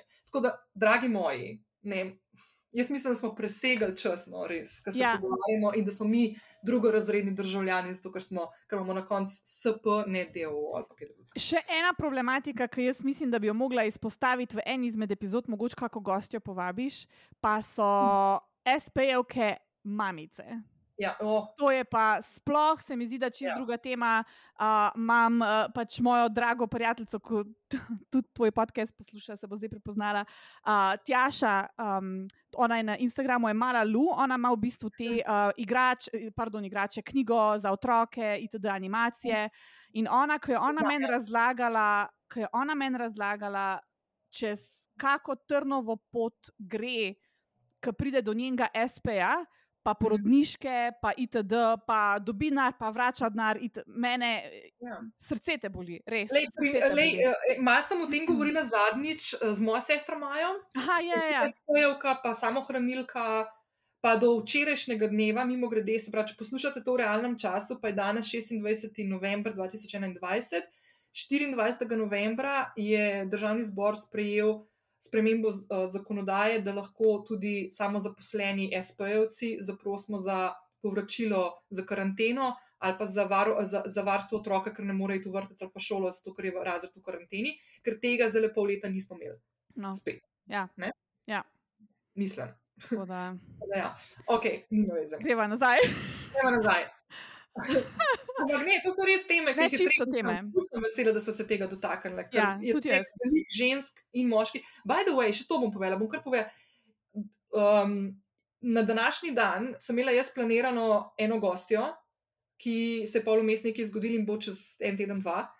Bom kar povedala, Marta Kos, Okay. uh, ki jo ful spoštujem, tako noro spoštujem in ki uh, v ponedeljek, 29. Uh, novembra, daje ven s svojimi kolegicami uh, za, uh, zavod uh, Ona ve, ki se bo trudil um, za to, da se spodbuja medije in tiste, ki organizirajo dogodke, da več strokovnjakin povabijo. Zato, ker Ja. v medijih se na strokovnem področju pojavlja približno 25 odstotkov žensk, ostalo so skozi moški. Ne? In meni je to top, in točno to se bo pogovarjala. In ena od stvari, ki bi jo jaz rada šla tudi raziskovati z njo, in sem ji to tudi napisala v istočnice, je, da ugotavljava tudi na ravni čistej podjetniški, koliko žensk podjetnic dobi kredite. Ja, ja, A veš, ne? ja.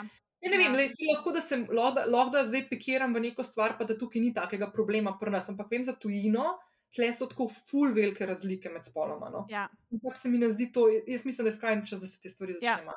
ja. Tako da Jaz ja. podpiram take teme, ful in lej.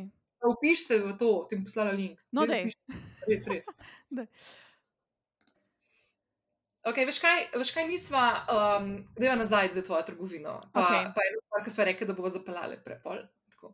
Okay. Um, ja, Dej, uh, najprej uh, povedala si, da si prostor najela, uh, Ja. dva prostora v dveh nadstropjih in tako naprej. tako. Nisi povedala, kje to bo, a z A. razlogom ali ja, Ne. ali Pozabila sem.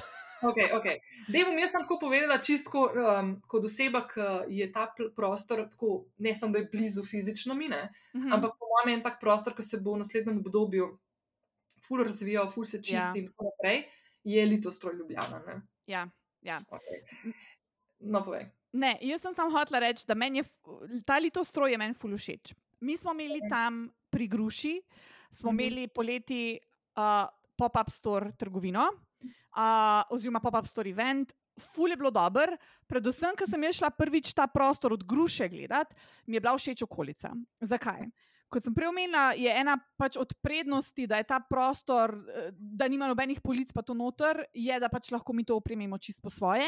In mhm. jaz si ne želim klasične trgovine s kadili in kristali, a, a veš tisto, ki prideš noter, pa so tako pač neke cenene police, pa tako, uh, tako kot neka kitajska trgovina. Ne? Pa nima nič proti kitajskim trgovinam, no, ampak ja, ja, pač ja, njihov stil mi ni všeč. Tako, um, no, In takrat, ko sem jaz pač ta prostor videla, pa celo to okolico. Uh, pri Gruši prvič sem rekla, mhm. mi je všeč, ker je tak industrial vibe. Um, in takrat sem jaz pač ta prostor je tako po naključju, sva mi dva odkrila, ker mi dva sva fuliskala prostore z Juretom, um, že pač par mesecev prej sva iskala, sva šla na neke oglede, noč ni bilo ok. Pol pa jaz Grušo kličem, pa rečem, da je gruša, oziroma ne, to že, že pri pop-up storu, ki smo imeli, sem jaz grušo vprašala, e, se še tukaj kaj okrog od, oddaja.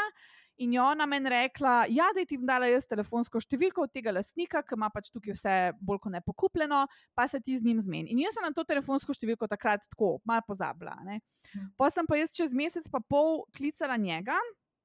In on meni reče, ja, en plac pa je še na voljo, prideš pogledat, sva se zmenila za ogled. Takrat je bil tisti prostor na voljo, uh, ki bo naše skladišče. Pa, pa mhm. jaz gledam zraven prostor, pa sem rekla, ja, meni je pa tale tudi fulušeč. Pa on mi reče, ja, v bistvu je že bolj kot ne od dan, danes pridejo gledati, ampak mislim, da bo pač kar nekako dan. Pa sem rekla, ok, kul, cool, no bomo pa vse en tisti en prostor vzela. Mhm. Naslednji dan pa sem jaz pač tako njega klicala za foro, sem rekla, hej, a so prišli na ogled onega, ta drugega prostora ali ne. In on meni reče, ne, ni jih bilo nikoli. Pa sem rekla, gledaj, jaz bi prišla, um, da pogledam, pa da vidim, pač, če se kaj ujamemo. Pa je rekel, potem bi ti rajš onega taljoga vzela, pa sem rekla, ja, ne, mogoče bi oba. Ne? In tak, takrat smo mi dva šla na ogled, ful nam je bilo všeč, všeč nam je bil koncept. Um, ampak ja, je bila pa. Uh, Ogromna finančna investicija mesečna, to je prva stvar, uh, in pa uh, ogromna investicija, če mi želimo pač to spraviti v red, pa da bo pač to nekako izgledalo. Ne? Tako da takrat smo se potem vseeno odločili, po dolgem, dolgem, dolgem pogovoru, smo se odločili, gledaj, če nama ni tole. Ta prostor vesolje poslalo, pol pa tudi ne vem, zaradi tega, ker so se stvari glih tako poklopile, da en ni prišel na ogled in glih, ker sem jaz klicala en mesec, pa pol, zatem, ker sem dobila od lastnika telefonsko, je glih bilo nekaj na voljo, prej ne bi bilo, a ne. Se je glih tako poklopilo, da so rekla, gledaj, če nama ni tole bilo namenjeno, pa pa nič, sva rekla ja. Uh, in takrat ja, no, se je pa začelo opremljanje, ki ja, ga tudi sama ne bi zmogla, tako da lahko še kaj o tem povem. Ne, ja. ne, veš kaj, preden gremo na to, veš kaj, okay. za mene, kot naprimer osebo, ki ima tako mal s tem izziv s Kersitijem. Okay. Um, a veš, kako si. Okay, najprej, imaš ti s tem težavo, druga stvar, ki mislim, da nimaš take, kot jaz. Druga stvar je pa ta, ki se reče, da to je full finančna investicija. A si kdaj pomislila na to, kaj če se to ne bo izšlo? Sem. In kako si je, premagala pol to? Ja, jaz sem tip človeka, ki vedno tako tri scenarije si vedno v glavi naredim. Pač best case scenario, ono, kak je, če stvari ostanejo tako, kot so, ali pa worst case scenario. Uh, in best case scenario pri nas je, ta trgovina se full zalaufa. Recimo, jaz ena stvar, ki jo full tako vizualiziram, je, da si ljudje organizirajo pro ono izlet, da en iz Avstrije reče, hej, v soboto grem pa v Slovenijo v to trgovino. Uh, to je tako meni, best case scenario, pa da se spletna trgovina razvije do, do te točke, da mi začnemo international prodajati itd. Um, pol, če stvari ostanejo tudi tako, kot so, operiramo, glej, čist, recimo, da, da mi delamo na mesečni ravni to, kako. Eh, da mi delamo na mesečni ravni tako, kot mi zdaj delamo spletno trgovino, se tudi stvari pač normalno pokrijejo, itd., gre vse normalno čez. Uh, worst case scenario pa je, pač, ja, da se ne, ne razvije pač na tak način, ampak v tem, v tem um, tukaj je pač tako. Mi, mi dva z Jurotom smo naredili nek plan vseh stvari, ki bi jih pač poskusila, če se stvari ne izidejo tako, kot bi se mogle. Uh, torej, ne vem, probamo iti v tujino, uh, probamo uh, še kakšne druge produkte predstaviti. Mama že v bistvu cel seznam narejen in če pač res ne gre, ne gre, smo hvala Bogu v najemu in vse, kar naredimo, je pač dobesedno prekličemo pogodbo, se upravičimo lastniku uh, in je to to. Jaz sem lastniku tudi to povedala, ne, dva, mislim, ta lastnik, jaz moram reči, kapo dol, najboljši ever, full dobro se razumemo. Um, in jaz sem takrat pač njemu tudi uh, dejansko predstavila, mislim, tako smo se malo pogovarjali in je pač rekel: Ja, pač, kako misliš, da vam bo laufalo, strenka, glede na feedback, ki ga mi dobivamo, bo to super odlično bo, imamo en kup stvari, ki jih želimo testirati. Torej, ne bo samo fizična trgovina, s katero si moramo mi pač stroške pokriti. Tu zraven bomo imeli plačljive dogodke, jogo, meditacijo, izobraževanja plačljiva, naje, v najem bomo, oziroma pod najem bomo dajali te prostore. Torej, je tukaj ene par scenarijev, kako bi se pač te stvari lahko pokrivale. Uh, in sem jaz tudi lastniku rekla, jaz se ne bi spravila v tako finančno investicijo, če jaz ne bi verjela v ta projekt, to je prva stvar. Ampak ja, še zmeraj se pa zna pač zgoditi, da pač stvari ne bo šle. V tem primeru pa pač hvala Bogu, smo na njemu prekličiš pogodbo in je to. to. Mm. Okay. No, zdaj mi pa povej, kaj si omenjala, um, kako sta zdaj se lotila. Ne, oh, ja. ne, in um, Okay. Kako pomaga in kako se je to zgodilo? Ja, presežem. To pa je zgodba pa pol. Okay. Mi dva dobiva te prostore, pač dobiva ključe in presežem, mi dva sva pač tako dva tedna, sva kar not hodila, pa ona začnejo mi dva. Ja, kaj bi zdaj mi dva, kak stil bi tukaj bil? Tako imela sem neke ideje, ampak jaz sem full. Ma ne vem, nisem tako vizualni tip človeka, da sploh pa ne, kar se tiče interior dizajna, ker jaz pač, ok, jaz znam prepoznati dobro stvar, Ampak jaz ne vem, kako bi to ksep v prostor spravila, ne, ful, nimam tega feelinga. Jaz vem, ti si ful dobra v tem. Jaz takrat, oh, ta, res. Ne. Ja, jaz prvič, ko sem prišla pač te v stanovanje, prav ne vem, pozabila sem tako, oh, kak zen je tu, no, to presežem. Jaz sem, sorry, ej, jaz, ko sem prišla, naprimer, ko si prej gruša omenila, ne, ja. mimo grede tudi gosti v tej epizodi in so se tudi o tem pogovarjali, ker je ona meni pokazala prostor, v katerem je zdaj ona studio.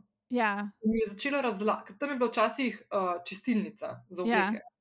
In je bila gor, tam, kam ona zdaj kuhno, šel v kičen, je bila tam tako, zdaj odprt prostor, takrat je bila pa tako znotraj soba, v bistvu so bile stene Aha. in tam je bila kotlilnica noter.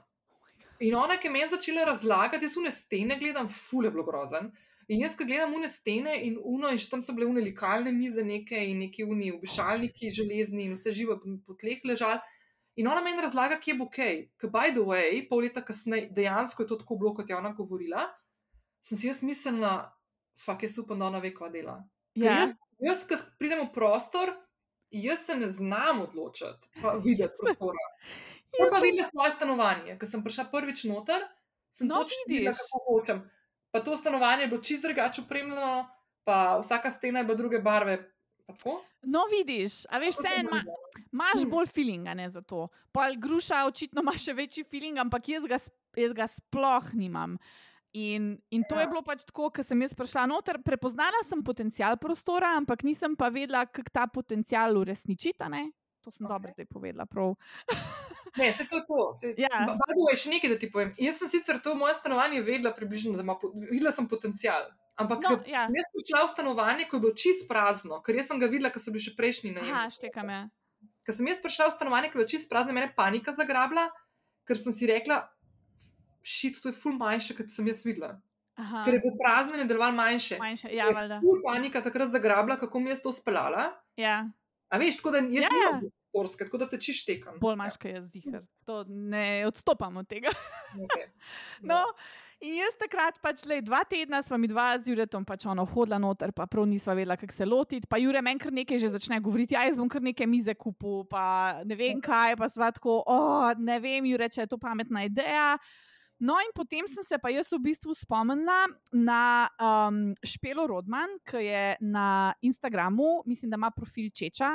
Um, um, in takrat se spomnim pač na njo, ker ona je pa uh, interior designerka, pa predvsem, kar mi je bilo pri njej všeč, je, da je full spretna z rokami. Torej, ona ne samo, da si zna full dobro vizualizirati, ker sem gledala njeno prenovo kuhne, pa en lokal, ki ga je opremljala, itd. mi je pač bilo full, meni so pač ti njeni interierji pač čist nori.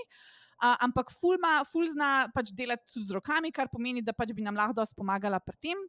In jaz sem takrat tako njo pač čisti iz Firpca kontaktirala, sem rekla, hej, pač ono. Tak, jaz si jo že prej poznala. A, ose, ne, Prek ne. Instagrama. Prek Instagrama. Ja, Instagram connects people. in, Ja. jaz, in jaz njo takrat kontaktiram, pač tako, hej, stikaj v Ljubljani, da pač a prideš pogledat, a ne, mogoče bi mi sodelovali s tabo, pa ne vem, če si lahko prvoščma. No, in je ona pač prišla v tisti prostor. In presežen, to je bilo tako, da bi jaz gledala obsedenega človeka v pozitivnem smislu. Uh, ker jaz sem njej pač povedala, tako, a veš, naredila sem si, to sem bila, da sem naredila on Pinterest board, veš. pa sem zbrala en kup idej, meni je bil všeč ta uh, uh, industrial vibe litostrojske in jaz sem hotela ta industrial vibe noter prenesti, zaradi tega, ker se mi je zdel, zdela ideja kontrasta med industrial vibeom pa kristali pa kadili full huda.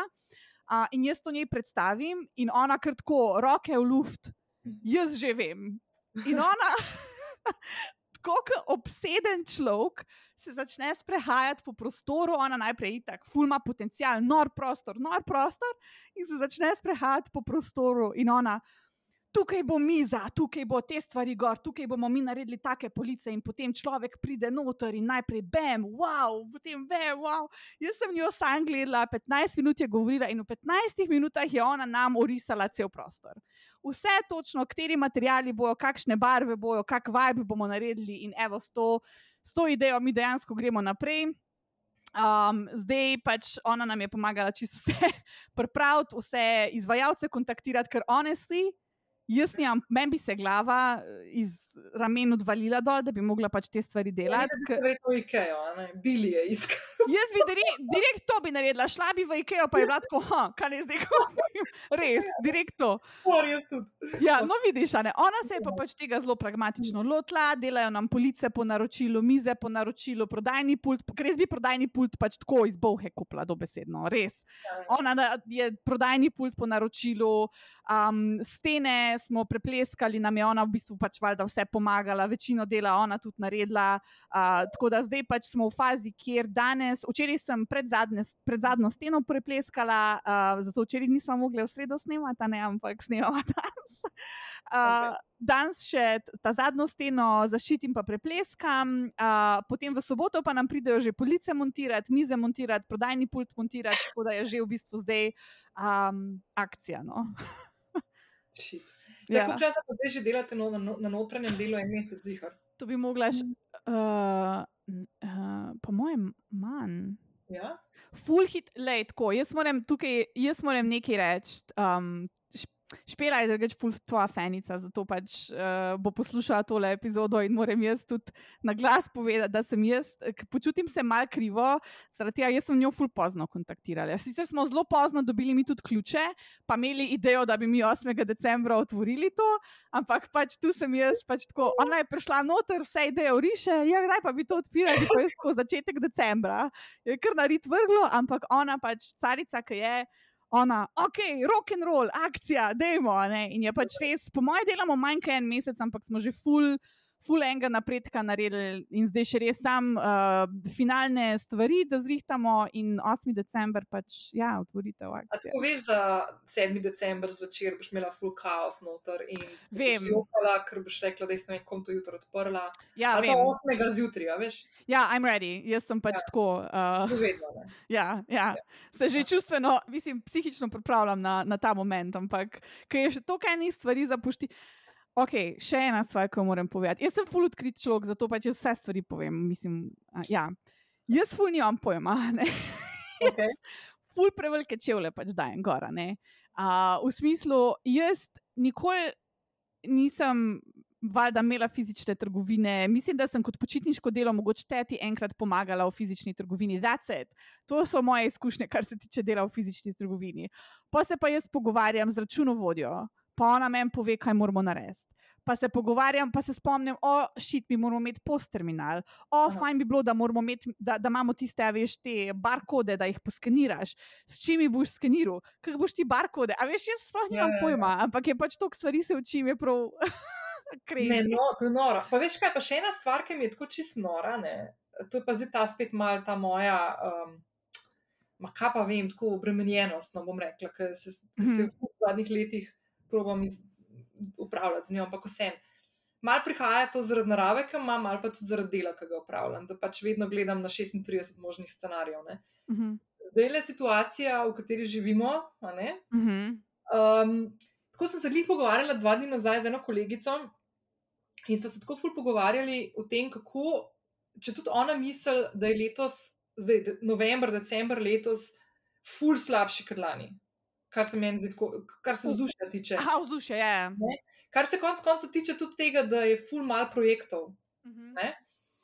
In, in rekla, jaz ne razumem, zakaj, ker v bistvu letos je boljša situacija, mislim, yeah. Ja. boljša. Smo zdaj število okuženih, pa to valjda, kaj šit. Ampak tako, boljša situacija kot lani, ne? kje je ta fora? In se rekla, le jaz edino razliko, ki jo vidim od lani na letos, je ta, da lani smo bili v tem času zaprti in smo yeah. Ja. vedeli, da smo zaprti. Ja, letos, ne, ja. smo odprti, pa ne vemo, ne vemo kaj bo.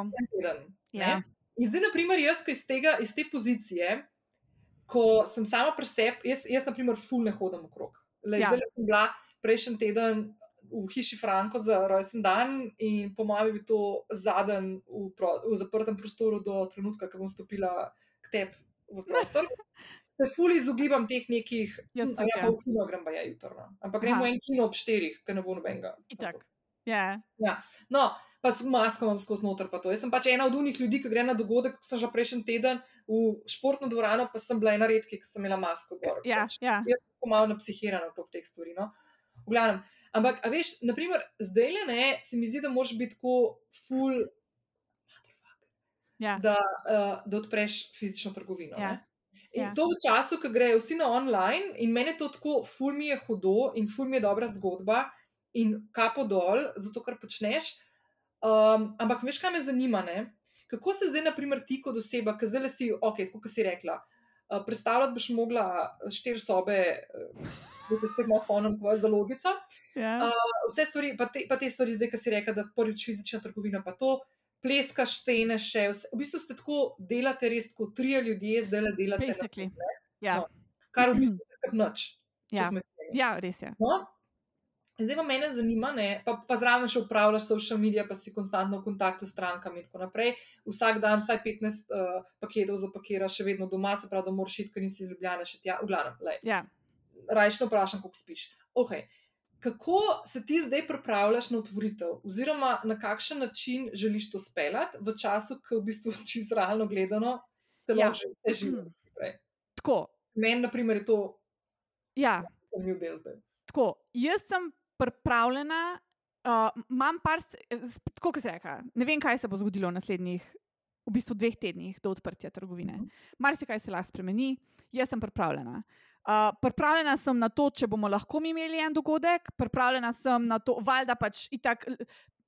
Ena stvar, ki bo zihar ostala, je preverjena PCT. -ja. Pač tu sploh ni, ni debate, to se zihar ne bo spremenilo. Potem sem pripravljena na to, da bomo pač lahko imeli normalno dogodek brez omejitve števila ljudi. Uh, pripravljena sem, da bomo mi mogli omejiti število ljudi in recimo tako, kot nekaj. A veš, tako je imela IKEA takrat, um, ja, ja, ja. ko so omejili. Poč, tako časovno slote. To je, mislim, da je celo bila ideja, ki si mi jo ti dala. Da ja. pač v bistvu tako, tako kot neke vstopence, ne, ne da jih kupiš z, denar, z denarjem, ampak pač rezerviraš si time slot. Ja. Ja. Tako da v bistvu par, par, zato še jaz ure tudi nisem najavila.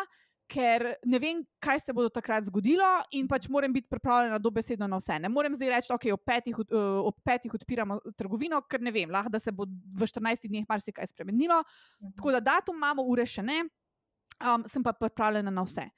Um, imamo pač par scenarijev, vemo točno, kaj moramo za tiste scenarije narediti, uh, ampak jaz pač ja, 8. decembra v vsakem primeru, razen če pač valjda čist zaprejo nas dolane.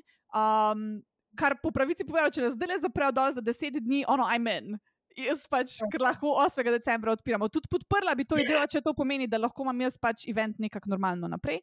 Ampak mhm. kakorkoli. No pripravljena sem na vse scenarije, tudi na to, če čist zaprejo dol, bomo pač mi rekli, da nas odprejo, pač imamo mi, imamo mi trgovino, do takrat pa prodajamo prek sebe. Mislim, dobra stran tega tvoje realnosti je ta, da imaš ti. Da imaš že spletno trgovino. Tako. Tako. Ja. In da v bistvu edino, kar lahko pol naredimo, je, da pač imamo vsaj osebne prevzeme za ta holiday shopping. Se spomniš lani, ko je bilo pač ta uh, s pošiljanjem, pa to, ko so se paketi zatikali. Ja, to, ja. no, ampak lahko saj to naredimo. Torej, jaz gledam tukaj bright side. Uh mhm. -huh. Kar pa se tiče ostale pripravljenosti, uh, glede tega, da bi pa še, okay, kar se tiče promocije, recimo, mi imamo pač močno bazo kupcev, strank in ljudi, ki so pač zainteresirani. Torej, tukaj imam jaz pač promocijo pokrito. Mhm. Ampak rečemo, da se zgodi best, mislim, best case scenarijo uh, in da um, lahko imamo mi nek normalen dogodek ob točno določeni uri, kjer je malo muske, mogoče kak govor ali pa karkoli. Uh, marketing za mojo obstoječo bazo imam poštimam, ne pa poštimam ga marketinga, kako bi jaz mogoče še več ljudi pritegnala. Tako da tukaj pa ste že včeraj klicala, pa rekla, Nina, pomagaj. pomagaj mi, ker jaz pač, mi smo zadnjič odkrito povedano, bila sem jaz, pa špela v mhm. prostoru, um, torej v Your Soul Time, trgovinci, pa bil je v bistvu, uh, mislim, da mu je ime Tomaš, ki je pa električar uh, in pomaga pač elektriko štimata. Ne? To je špelin dober kolega. In smo mi pač tam noter luči, planirali, kje bo luči, itd. In smo rekli, to bo res tako hud plac, oh, ful bo dober, pa kakšna otvoritev, joj ljudje. By the way, ljudje, ko mi čakajo, jaz dobivam sporočila, ljudje so si dopustili zdaj na tisti dan. Res. Pa jaz dobivam, ljudje so si uh, uh, svoje počitnice organizirali, da bo do 8. decembra nazaj, pa dobivam sporočila, da bo ljudje kampirali. Čisto noro. In jaz to pač povem, in mi špela reče, da je mojca, mi moramo nek PR narediti, da bo pač to ja. še malo bolj odmevno. No, in tukaj pa sem res res rekel, tu pa sem bosa. Tu pa jaz nimam pojma. Vse sem bila na tvojem predavanju 360, ampak ne sem pozabila. ne, sam več kaj, ampak ne, se lahko gremo zdaj čez to. Dema čez to. Jaz, a, a, ok, deva tako narediti. Mogoče bo to tudi zanimivo za vse te, ki zdaj poslušajo in razmišljajo o kakšnih takih stvarih. Kako se v normalnem času take stvari dela? Po mojem se delajo pač tako. Zdaj, ja. joj, zdaj me bo Nina učiteljica. Ne, ne, ne, ne, se ni, ni, ga ni na robe. Ja, po, mo po mojem, v normalnem času je itak, da imaš ti neki event za novinarje, lahko ljudje pač, oziroma pač pridejo na otvoritev, oni pofotkati, ja. itd. Uh, ampak ja, zdaj spet, ne, mi ne vemo, kaj pač pričakovati. Tako, In, in zdaj, ne. da ti pač narediš, pa se organiziraš okoli tega, lahko moje sam stranje narediš. Ne, veš kako narediva tako. Lej, da je mogoče čist za foro. Uh, jaz se nisem neki ful pripravljala na to, ker bom tako probala čist biti zelo plain. Tudi jaz nisem pripravljena. Ja, no, ampak mogoče kot zanimivost, pa za koga, ki bo poslušal mogoče vem, ta podcast, naj pogovor, ne vem, čez pol leta, ko bojo stvari že drugačne. V, ideal, v normalnih razmerah, se pravi, ko nimaš pandemije in PCT-ja, in si cepljen, nisi cepljen, in podobne stvari. Okay. In tako naprej. Uh, se načeloma te stvari tako dela, da imaš ti neko novo stvar. Je, za, naprimer, konkretno, če govorijo o PR-u, se pravi, da hočeš ti povabiti novinarje, medije, uh mhm. -huh. je je neka ta noviteta, neka novost, ki je fully zanimiva. Ne? Okay. Neka nova trgovina, tvoja zgodba je fully zanimiva in tako naprej. In kar jaz takrat svetujem, je, da preden ti narediš otvoritev za tvoje stranke oziroma za neko splošno javnost. Da se pač povabi novinarje in se to predstavi, da si lahko pogledajo pr pro prostor, ki je še uh, ne, v navednicah neobremenjen z obiskovalci. Ne? To, to verjetno pred otvoritvijo narediš. Pred otvoritvijo. Naprimer, okay. ne, ti narediš, naprimer, če imaš ti 8. decembra uh, otvoritev fizične trgovine, pa je boš, naprimer, rekla, rečemo, da je boš imela ob 6:37 zvečer, ja. naprimer, ker hočeš, da pridejo ljudje po službi, naprimer, Tako, ja. A veš, da mogoče tisti, ki si zdaj dopuste jemljajo, ne bo treba. Ni, ni, ni treba, ja, ja. ja. No, uh, naprimer, narediš ti ob 10:30 ob 11 uh, za novinarje. Ah, ok, čekam. Ja, smart. Uh, ne vem, mogoče kakšni influencerje še povabiš. Ja. Prvat, jaz rada njih, naprimer, dajem, ker velika večina njih dela tudi v službah, pa jih mm -hmm. pa mhm. lahko povabiš. Okay. Um, no, in ponavadi je tako, ne, da si ti za novinarje pripraviš. Uh, jaz, jaz vedno tako naredim s svojim naročnikom, vedno svetujem, da ko se jih povabi, se upošteva to, da novinari imajo veliko dela, da dobijo veliko vabil, zdaj v tem času pač ne, ne ampak dobro, nima veze. Uh, se pravi, da jim ti, na primer, ene deset dni prej, se pravi, da jim zdaj odprla koledar. Pa pogledala, naprimer, ti imaš 8. decembra, naprimer, jaz bi jutr, 26. pravi danes, ki poslušate ta podcast, ali pa 29. v ponedeljek, bi jim poslala uh, Save the Date. Okay. Pač, okay. Uh, zabeležite si datum 8.12., takrat se bo zgodila ena, ena situacija, ne poveš čisto točno kaj, uh, vabilo še sledi. Okay. Okay. In pošlješ tistim izbranim, ki jih želiš povabiti na dogodek. Potem bi pa 1. decembra ali pa 2. decembra, se pravi, kar še en dober, slab teden Ja, ja. ne, pred dogodkom, bi jim poslala uradno vabilo, Okay. ki vključuje čas, datum, lokacijo, Okay. Ja. kaj se bo dogajalo, kratko, Okay. ne, Okay. zakaj bo to za njih zanimivo. Pa absolutno mora biti spodaj napisano tudi uh, RSVP, dokdaj. A, okay. Da ti veš planirati, verjetno. Mhm. Uh, pa jaz ponavadi, sploh če imam kakšno hrano, em, pogostitev, vedno napišem, prosim, zaradi organizacije in hrane in tako naprej, da vemo, koliko naročiti. Ja. Dajte mi sporočiti, in ponavadi, če imaš ti zdaj 8. decembra um, dogodek, jaz tako naredim, da prosim, sporočite mi najkasneje do 6.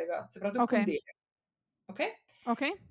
In potem imaš ti dva dni, se pravi 6. in 7. še čas za preklic. Za tiste, ki se ti najavijo. Okay. Da pač ne računam na njih, ali kaj. Ne, pokličeš ali pa še A, kakšen štekam. mail pošlješ in preveriš, ali ste dobili, ali vas zanima, ali pa jih opomniš, ker Okej. veliko jih včasih pozabi. Okay. Zato so srede ali pa torki ali pa četrtki najboljši dnevi za dogodke. A res? Ja. A, vidiš, sploh nisem vedela. Druga stvar, ki je, je, da um, zdaj, ko nismo, zdaj, ko, če govorimo o normalnih razmerah, pa da delaš Ja. dogodek, je smiselno malo se pozanimati tudi, uh, to je sicer malo težje narediti, če nimaš povezav, pa tako. Če so še kakšne druge stvari planirane tisti dan, pa v katerih urah, ker se lahko zgodi, da, da, da si narediš double booking s kakšnim drugim dogodkom. Meni se je to tudi že dogajalo v življenju, v karieri, Ja. da naprimer, so mogli novinarji, ne vem, zato ker je imel nekdo novinarsko konferenco ali pa dogodek, pa je naprimer pomemben oglaševalec ali tako naprej, so mogli iti tja, čeprav ja. naprimer, si želeli priti na dogodek, Ja. ki sem ga jaz. Ampak Ja. ne moreš pol drugače. Zdaj Ja. ali pošlje kakšnega drugega. Je pa tako, da novinarjev v medijskih hišah je vedno manj, tako da ne moš neki računa, da imajo ful na razpolago razno raznih ljudi, da hodijo po terenu. Kje pa sploh izveš, recimo, kakšni drugi eventi so še uh, na urniku? Um, Vezan no, poznanstva, ne? Ja, je, Košnino Gaspari. najlažji, najlažji, ne, samo to je zdaj tako težko, če ti teh odnosov še nimaš zgrajenih. Ja, ja. ampak rečemo, da jih boš ti začela graditi. Najlažje je, da kakšno novinarko ali pa novinarja vprašaš, če še kakšno vabilo dobila. Dobil. Ja, Ne? ja, In v tem primeru, ker je to isti segment ljudi, ki se ga bo vabil. Ja, ja, ja. naprimer, jaz, naprimer, sem imela meto, ki je bila še na uh, medijski hiši, ki je delala. Uh, sem ponovadi meto vprašala, če mi lahko to pove. Ali Ja, pa mi ja. sama poklicala pa rekla, hej, pazi, veš, oni imajo pa v istem času. En, en drug v istem času, pa da je mogoče Ja. ja. ker vem, da planiraš. Ne? Tako da to. Zdaj, kaj se zgodi na dan dogodka? Ne? Se pravi, okay. ti, uh, ja, še tako je. Uh, se pravi, šestega imaš 4 SVP, ja? ne? Uh, sedmega pa, pa jaz pol bi poslala v pomnik. Ne pozabite, jutri se srečamo na tem naslovu, ob tej uri, na tej lokaciji, da, da, da, da, da, se veselim okay. srečanja z vami, tako da narediš še eno pomnik. jim. Zdaj, glede na to, kje imaš ti lokacijo, bi jaz dala še kakšno mapco zraven. Točno, ja. ja. Eno, ker, naprimer, jaz konkretno to lokacijo ful dobro poznam, ker sem že imela tudi dogodke uh, na tej ulici. Ja, ja. In jaz se spomnim, ko smo imeli dogodek za eno od mojih bivših naročnic, uh, in takrat ta lokacija še v Googlu ni bila zavedena. Oziroma, je. Google eh, različno pošiljal ljudi, glede na to, kakšen operacijski sistem imeli, ali pa če so uporabljali Apple Maps ali Ja, Google ja. Maps. In jaz takrat sem imela ful probleme, ker so se mi izgubljali ljudje. Pa Ja, ja. tisti niso najdel placa, pa tako. Pa mapce so imeli preloženo, ampak niso videli. Veš, to so take stvari, ki se tako vedno znajo zgoditi. Tako da mimo grede, ko delaš take stvari, to velja za vsazga, vedno imej telefon pržgan, čeprav imaš že goste, ker zelo možno je, ali pa da je telefon nekomu drugemu, pa ne se oglaša, zelo možno, da te bodo klicali ljudje. In najslabša stvar, ki se lahko zgodi, je, da nekdo si vzame čas, da pride na tvoj dogodek, pa se mu pa ti najaviš na telefon, ki se zgubi. Ja, ja, to imaš prav. Ne? Ja. Tako. Sploh, če gre za kakšne novinare, ki pač ti od, od njih nekaj rabiš, v bistvu. Ne? Ja. Uh, zdaj, to je zdaj, uh, ja, pa še to, pa, pa tako je, da je fajn, ne, ko delaš take stvari. Uh, novinari, glede na to, iz katerega medija prihajajo, kakšen tip medija je, ali je to zdaj tiskan medij, Okay. ali je to elektronski medij, se pravi spletna stran, ali je to televizija, je to radio, moraš ti nekako razmišljati tudi, ko pripravljaš vsebino, na kakšen način pripravljaš vsebino, da bo za novinarja, ki prihaja iz takega medija, da mu bo pomagala pri pripravi ja. svojega dela. Ja. Se pravi, ti ušabla fotografije Ja. ali ušabla video. Ja.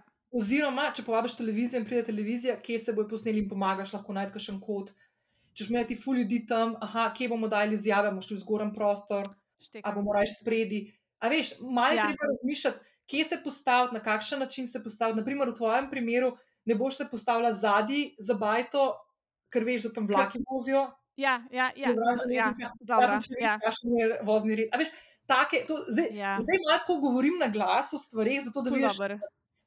Zakaj sem jaz tako malo psihopatska s temi 36 scenariji. Zato, ker je tudi enih stvari, ki lahko vpliva na to, Ja, da boš ti pol na koncu lahko deliverala stvari, ki boš imela lahko rezultat od tega. ja, ja. V tvojem primeru, da bo mediji poročali v novem prostoru v Ljubljani, kjer je pač Ja, prostor ja. služenje, feel good vibe. Pa, hej, ena ženska se je odločila, da kljub temu, da je spletna trgovina nora dobro dela, da bo naredila še To- fizično. ja. prostor. Ker, by the way, ko mi vsi čakamo, da se bomo spet lahko dobivali in družili. Ja, ja. Okay. To je ena stvar. Zdaj, to so, ja, in potem, ko imaš konc dogodka, pošlješ ne vem, naprimer, sporočilo za medije. Okej. Okay? Pa pripneš, pa Okay, za, fotomaterijala. Naprimer, za, vse, za vse nas, uh, ki se ne spoznamo na te zadeve, kaj je sporočilo za medije? Sporočilo za medije je dokument, tako čisto zelo plastično. Uh, če povem, naprimer, ko ti vidiš naprimer, um, objavo v, na enem spletnem portalu ali pa v časopisu. Uh, in vidiš tako naslov, podnaslov, Ljubljana, 8. december in Ja, ja, ja. tako oblikovano. Sporočilo za medije je dejansko to, kar ti pripraviš v obliki, da moramo reči, da poenostavimo članka, časopisa, okay. kjer napišeš, naprimer, v Ljubljani nov prostor za whatever, pa pa Ja. kratek, v Ljubljani se je odprla trgovina Your Soul Time, ki bo namenjena temu, temu in temu. Um, vem, gre za poslovno idejo mojce Maržove, ki jo je razvila po enoletnem delu uh, na spletni trgovini, ki je postala uspešnica Sloveniji. Whatever. Ja, pač, ja, ja. Praviš one stvari, ki so pomembne, tudi kakšno svojo izjavo daš noter. In v bistvu to služi novinarju, ki mu to pošleš za orientacijo vsebine. Štekam. Doskrat se pa zgodi, da je to tudi copy-paste in pol iz tega nastane članek. Zato Aha. mora biti v jeziku novinarskem napisano. Štekam. Se Okay. Pravi, ne smo odprli trgovino, ampak v Ljubljani se je odprla trgovina. Tako, ja, ja. ja. Novinar piše za bralca. ja. poslušalca. Okay. Tako da na tak način, to je sporočilo za medije. Se Pravi, sporočilo za medije vključuje vse ključne stvari, ki jih ti hočeš sporočiti Okay. v tistem nekem trenutku. Okej. Ne? Bomo pa do tega še prišli, kako okay. bi zdaj v tem času naredila. Okay. Uh, to pošlješ skupaj z fotomaterialom, ki ga daš vem, na Google Drive, na Dropbox, na WeTransfer link, whatever. Ne daš noter v mail, ker pol ne. Ja. No, in uh, fotke, se pravi, fotke, kaj je treba imeti? Fotke prostora, sprednjega, naprimer, notranjega prostora, kakšni izdelki, pa tebe. ja. Prav, okay. Ker sem ti okay. rekla, da zdaj bo dale podcast ven, imaš kakšno fotko, čez dva tedna boš rabila. Ok, cool. moram Dobro. planirati. Mene Dobro. v prostoru, evo. Ja, ja, ja. ja. Uh, pa tako visoka kakovost, Tako, ja. pa nared ležeče, pa pokončne. In pokončno, smart. Ja. Pa tudi Okej. razmišljaj malo tako, da imaš nek tak. Um, Lahko imaš malo načičkane stvari, načička ne govorim, imaš ful kristalov okrog sebe, pa te fure. Štekam, pa kako klin. Ali pa kakšne, pa kakšne klin. Mhm. Tudi zato, da pol veš, kako umestiš, ker nekateri pol, a veš, ne Ja, vem. El, El bo nekaj objavila, bo rekla uh, uh, direktorica fotografije, jo, to mi pa ne gre v postavitev na strani, pa boš padla ven, zato ker pač Mhm. načičkane stvari. Naprimer, ne. Mm, okay. okay. ti, kad, kad ti kupaš oglasni prostor v eni reviji, lahko narediš praktično, kar hočeš.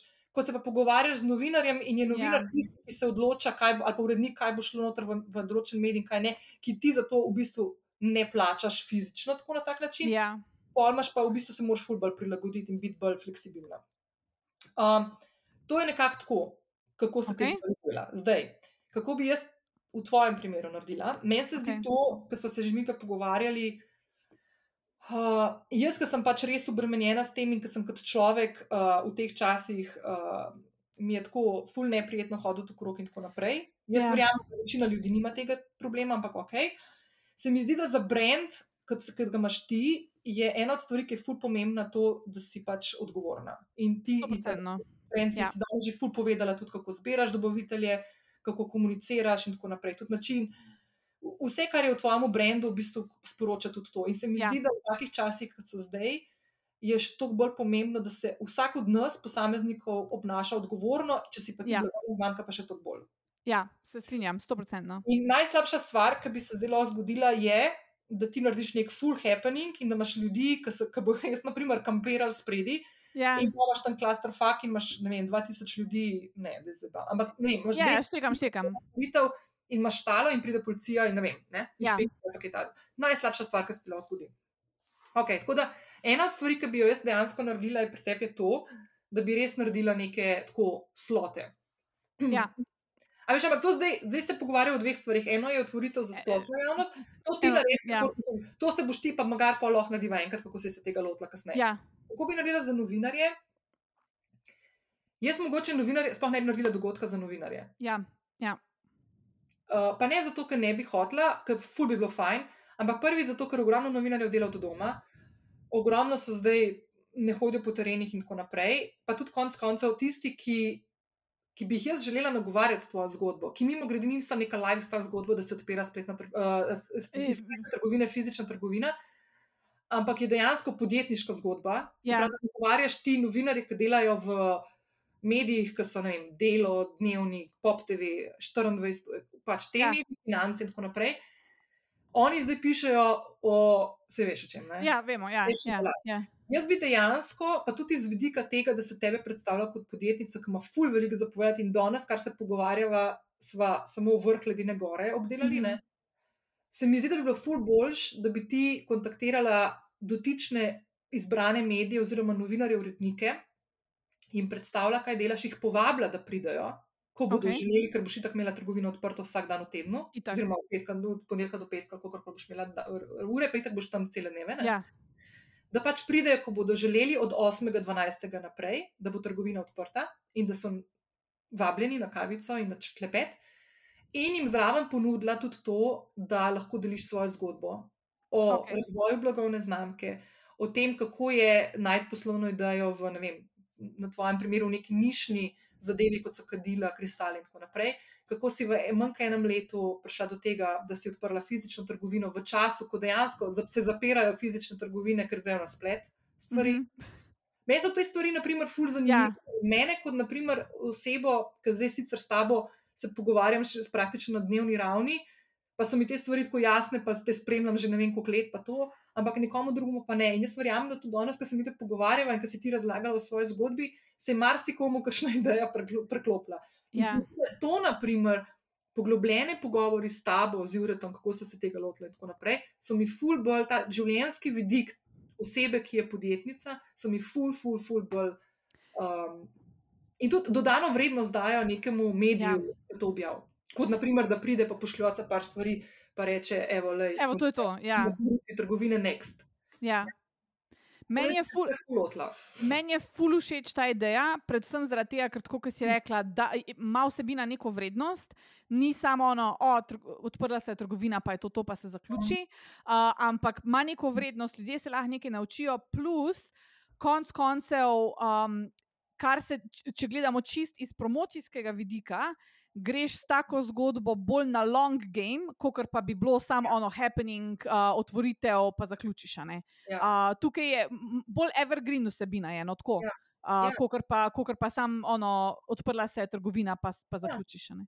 Ne, resno, mislim, meni so te stvari, naprimer, ful všeč. A veš, in lahko govoriš o takih stvarih. Ne vem, danes smo se dotaknili ne vem, uh, izzivov, ki greš v banko kot SP-jevc. Ja, ja. Ne? Veš, to je en kup enih takih stvari, ki jih ti lahko zraven potegneš zraven svoje podjetniške zgodbe, Ja. ja. kako si je razvijala, kako si šla iz tega, da svetuješ iz ne vem, uh, Slovenije v Ameriko za Facebook advertising, zdaj pa kar naenkrat se pa nazaj iz sveta Ja. pogajaš in v Litostroj odpiraš fizično trgovino s fizičnimi izdelki. Mislim, ful enih takih stvari imaš, ful enih nasvetov lahko daš, ogromno enih izkušenj lahko deliš. Ja. In, uh, pa pa še druga stvar je, ne? zdaj pa tako, ker ta podcast posluša tudi veliko mojih kolegic in kolegov novinarjev, ne, ki mi tako se mi javljajo tedensko. Tako da jaz bom izkoristila to priliko, ne, pa bom kar rekla, da to je že pičanje, ne, da pač tukaj je mojca že na voljo, a ne, dajte jo kontaktirati in tle, naprimer, je lahko in tukaj so lahko, naprimer, gospodarske rubrike uh, medijev. lahko so lifestyle mediji, ti kot mlada, perspektivna ženska podjetnica, kako se lotevaš teh stvari, kako izgleda tvoj dan. Tralalala. Ne vem, Ja. lahko je tudi fora, kaj imaš v torbi, a ne. Pa narediš prispevek okrog tega. Veš, ni fora zdaj. Kristale. Ja, ja, no, ja, sveče, a veš. Kako ti pa sveč. Ja, veš, en kup enih stvari je. Ne? Zdaj, kaj ti tukaj moraš Mm. narediti? Malo moraš razmisliti, kaj je tebi kot mojci, lastnici trgovine, ki odpiraš, pomembno, da v tem trenutku, ne vem, v mesecu decembru pa januarju daš ven. Kje Ja. so tiste informacije, ki jih želiš posredovati Ja, in za kere ljudi želiš ujeti. Naprimer, Ja. a veš, a je smiselno, ne vem, zdaj bom ful zbanalizirala, pa ne mi zamer. A je smiselno poklicati novinarja Radia Murski val ok. iz Murske sobote, Ja, ali je bolj smiselno, da se pogovarjaš, naprimer, v. V, v, če, v okolici Ljubljana. Čeprav to so trgovine, ki so nišne, ki jih ni v vsakem kraju. Tako je. Malo je drugačen primer. Ampak Ali pa, je. naprimer, ali pa, naprimer, a je smiselno, da kontaktiraš marketing magazin, zato da poveš, da imaš novo trgovino. Ja, Marketing magazin berejo vem, ljudje, ki delajo v oglaševalskih agencijah, direktori marketinga in podobno. Ali mogoče njih kontaktiraš naslednje leto, uh, ko boš, naprimer, ko lahko razmišljal o kakšnih poslovnih darilih. pa, Ja. ne. ja, ja. Prav, ne, je pa marketing magazin lahko Mm. ful dobra. Ful dober naslovnik, zato da poveš svojo zgodbo, kako si razvijala svojo spletno trgovino, kakšne so nakupne navade. ja glej sem začela o tem razmišljati, Veš, si omenila. Ja. Ampak zdaj imaš različne Mm, stile, ki jih podajaš različnim medijem. Ja. Ti moraš vedeti, kaj, najprej, kaj hočeš komunicirati. Ja, Druga stvar, s kom se hočeš pogovarjati, koga, kdo so tvoji kupci, kaj spremljajo, in potem tiste medije tudi nagovoriti. Ja. Tako, kot si ti prej rekla, da ti se ful pogovarjaš s svojo bazo skupnost, skupnost ja. ki gradiš, predvsem okrog Instagrama, pa to. Uh, sprašuješ jih, poslušaš jih, odgovarjaš na njihove vprašanja, na njihove želje, na ki ti kakšno stvar omenijo, kaj bi imeli, in potem priješ ven z izdelkom. Isto delajo novinari, uredniki. Oni vejo, kdo je njihova publika in vejo, kaj ta publika od njih pričakuje, in zaradi česa in zaradi kakšnih informacij in zgodb, ki jih delajo, se vračajo v to, da ne vem, zberejo ob 8 zvečer, a, oziroma ob 7 zvečer, Mhm. ali bodo gledali Mhm. poročila na Pop TV-ju, ali bodo gledali na nacionalki, ali bodo kupili delo, ali bodo kupili dnevnik, ali bodo kupili Kozmopolitan, ali bodo kupili Jano. A veš, ali bodo Ja. poslušali neki radio. Se pravi, oni vejo, kdo je njihova publika. ja, Bližno moraš ti vedeti, kje je njihova publika, zato ker, ko boš ti njih nagovorila, boš rekla, naprimer, ne vem.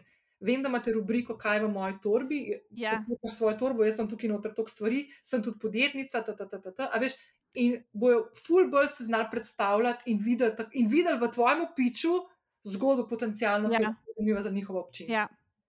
Še ena stvar, kar je meni pri tem planu ful všeč, je, če sem čisto odkrita, da ni časovno občutljiv.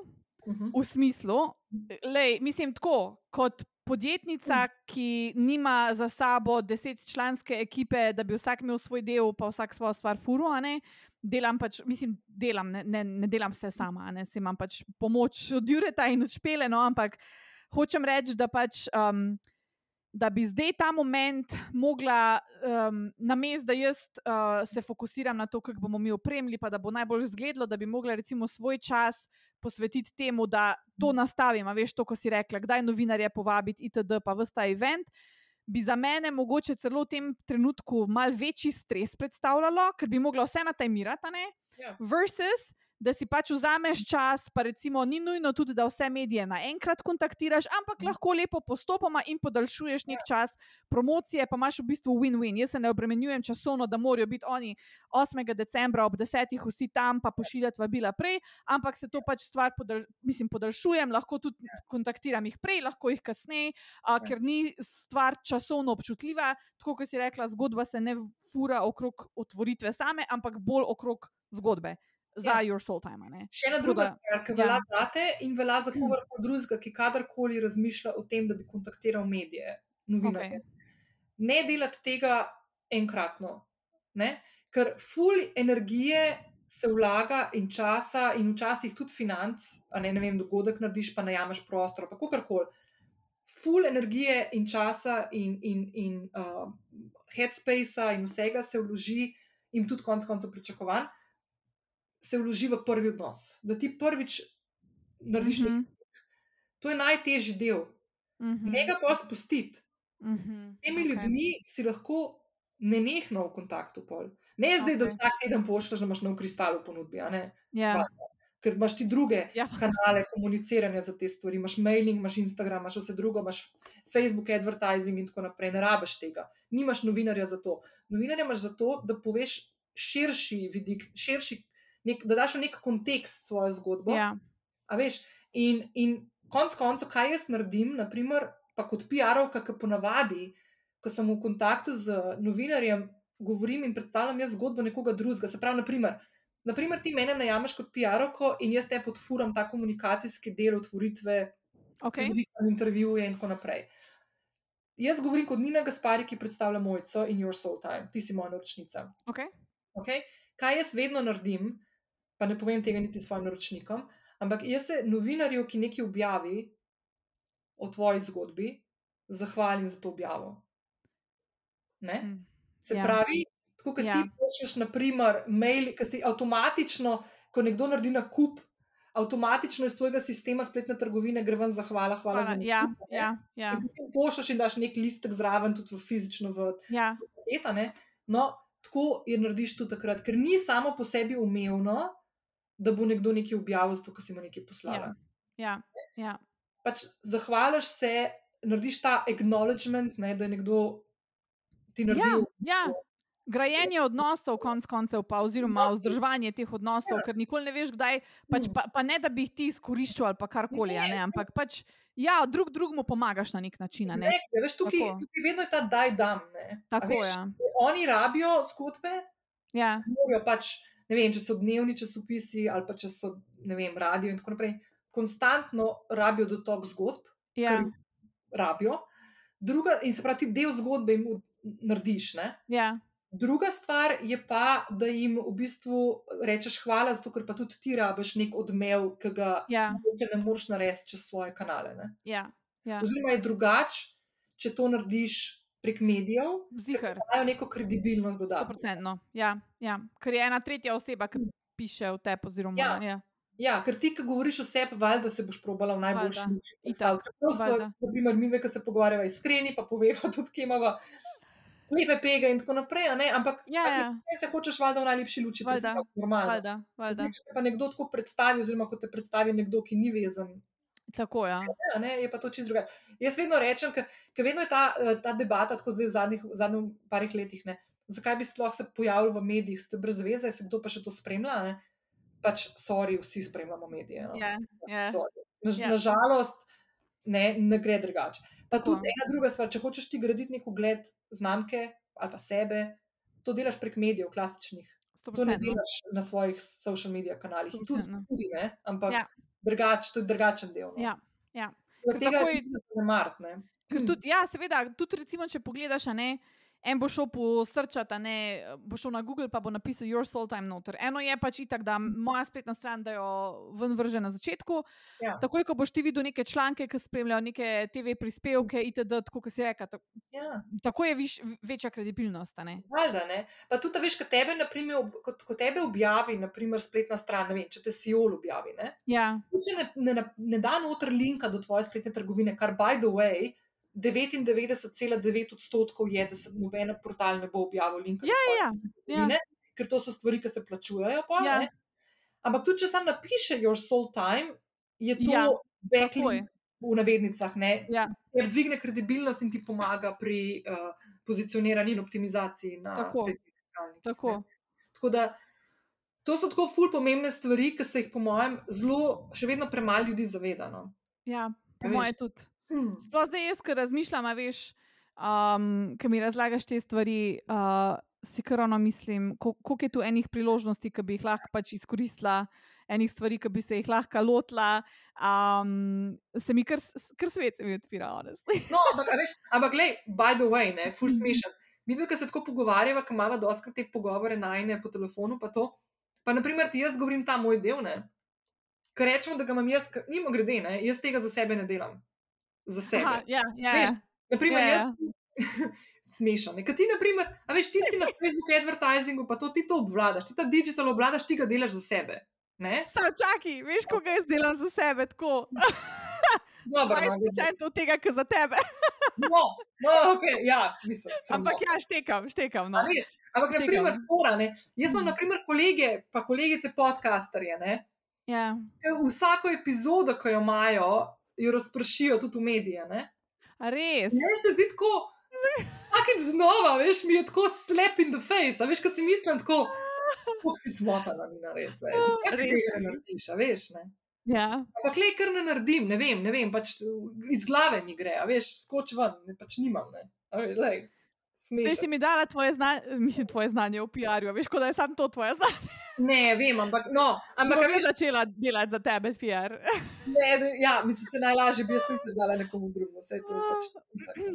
Uh, no, ampak ja, imaš še kakšno vprašanje? Komod?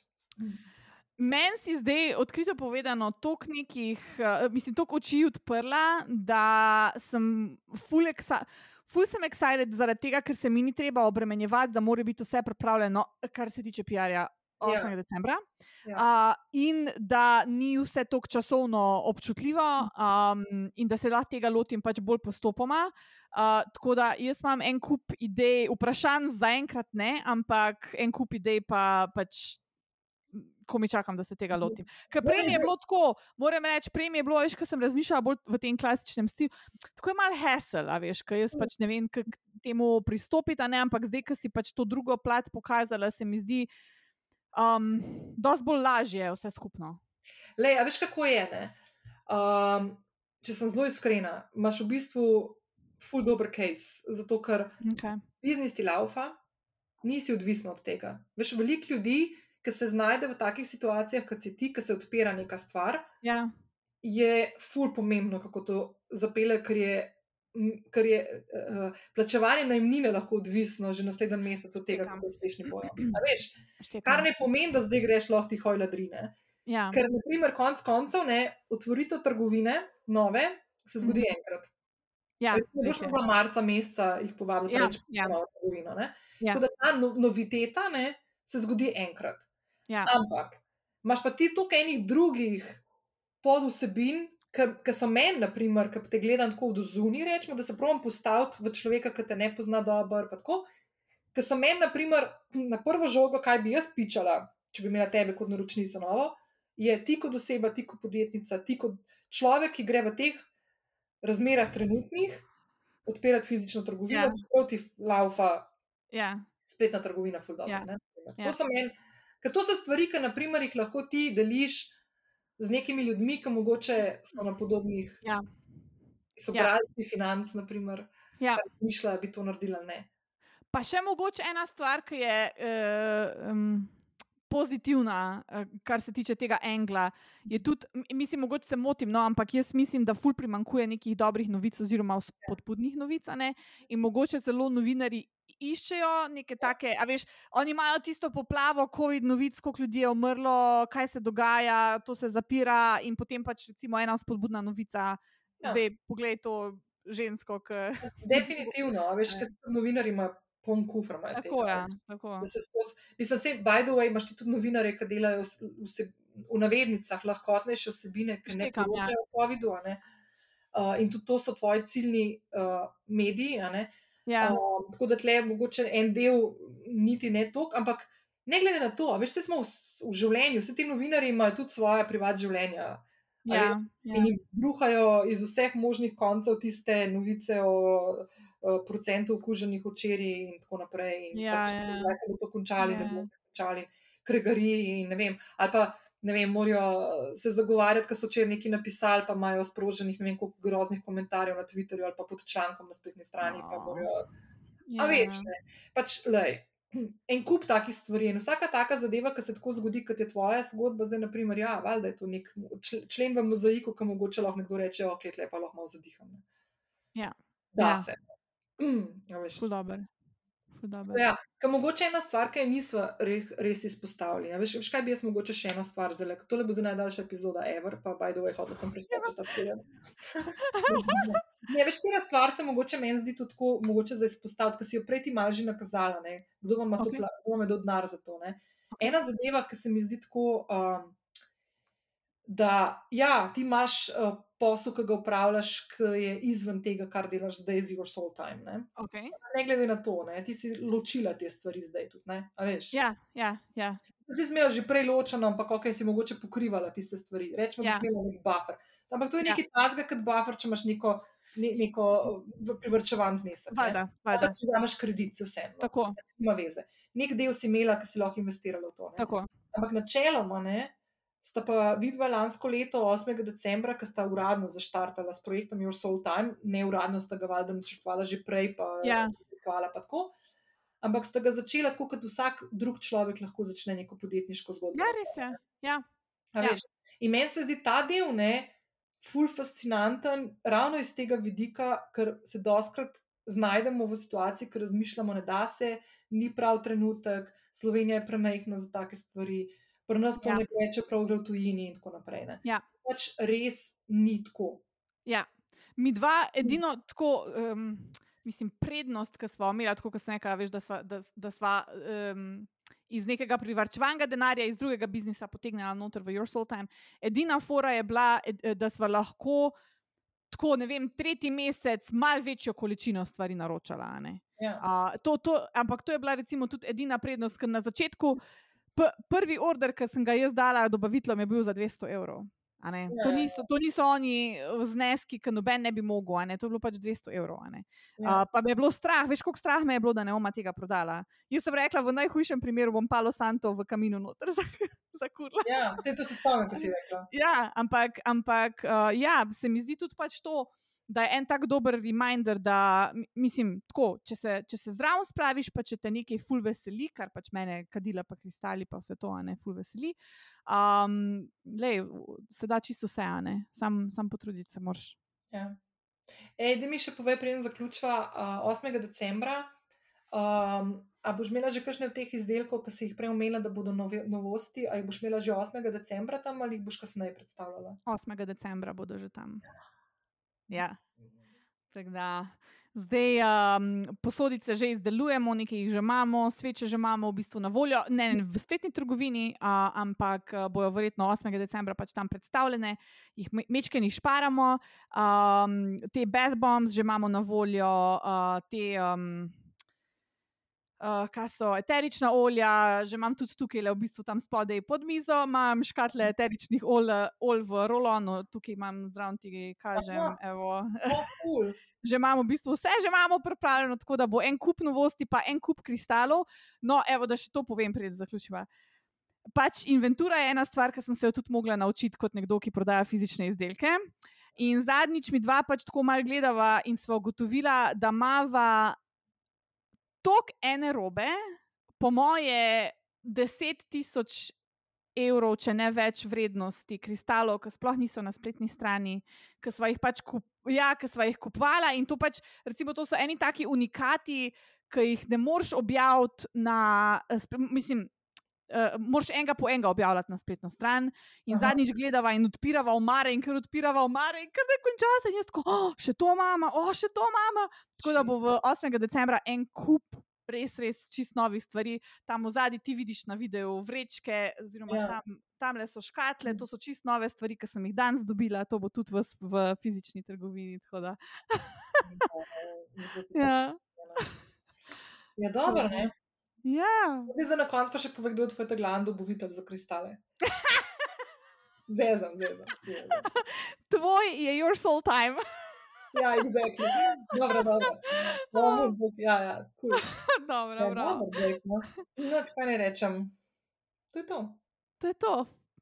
Se Ful vidi. smo obdelali ene teme, ful Ja, sem. Uh, Ful Ful sem navdušena, jaz sem prav, ko mi čakam, da poslušam. Res. Ej, jaz tudi, ker po mojem bo zdaj do konca leta, ne vem, veš kaj, jaz bom po mojem si kar tudi malo frej vzela, tam Ja. ja. dva tedna verjetno. ja, Ja. Po mojem bom zdaj še ne dve, tri epizode stisnila. ja. Um, tako da, Pa pa pa, jaz malo šla na off. Pa, pa greš na off, pa prideš v Your Soul Time enkrat na teden, vsaj na kavico. Nujno. Že mojega dragega sem mu že rekla, se ti veš, da iti z mano pogledati. Itak. Valjda. Valjda, bomo nekaj za njega posebej pripravili, bom nekaj našla. No, da je, sam ne, pa Palo Santo že ima, pa ga še ni prižgal. Ja, se vem. Ker se utepa, ne vem, ga mu je, kaj vem, zakaj se utepa, res. A ga nimam Res. posesal? Ja, sem ga dolgo pol ven. Aha, Enega je se po pomoti posesal, ja. to, to se spomnim, ja. Noro je. Oh, Res, ne. Zato sem od dva drugega prenesla. Od ust Okej. sem si vzela. en, en kristal, Mm. ki je tako ono. Se vem, kristal je še, še mislim, huj, kot pa vse to. Bomo en kristal mu našli. A ja, je to brada videla, ja. Ja, jaz tudi.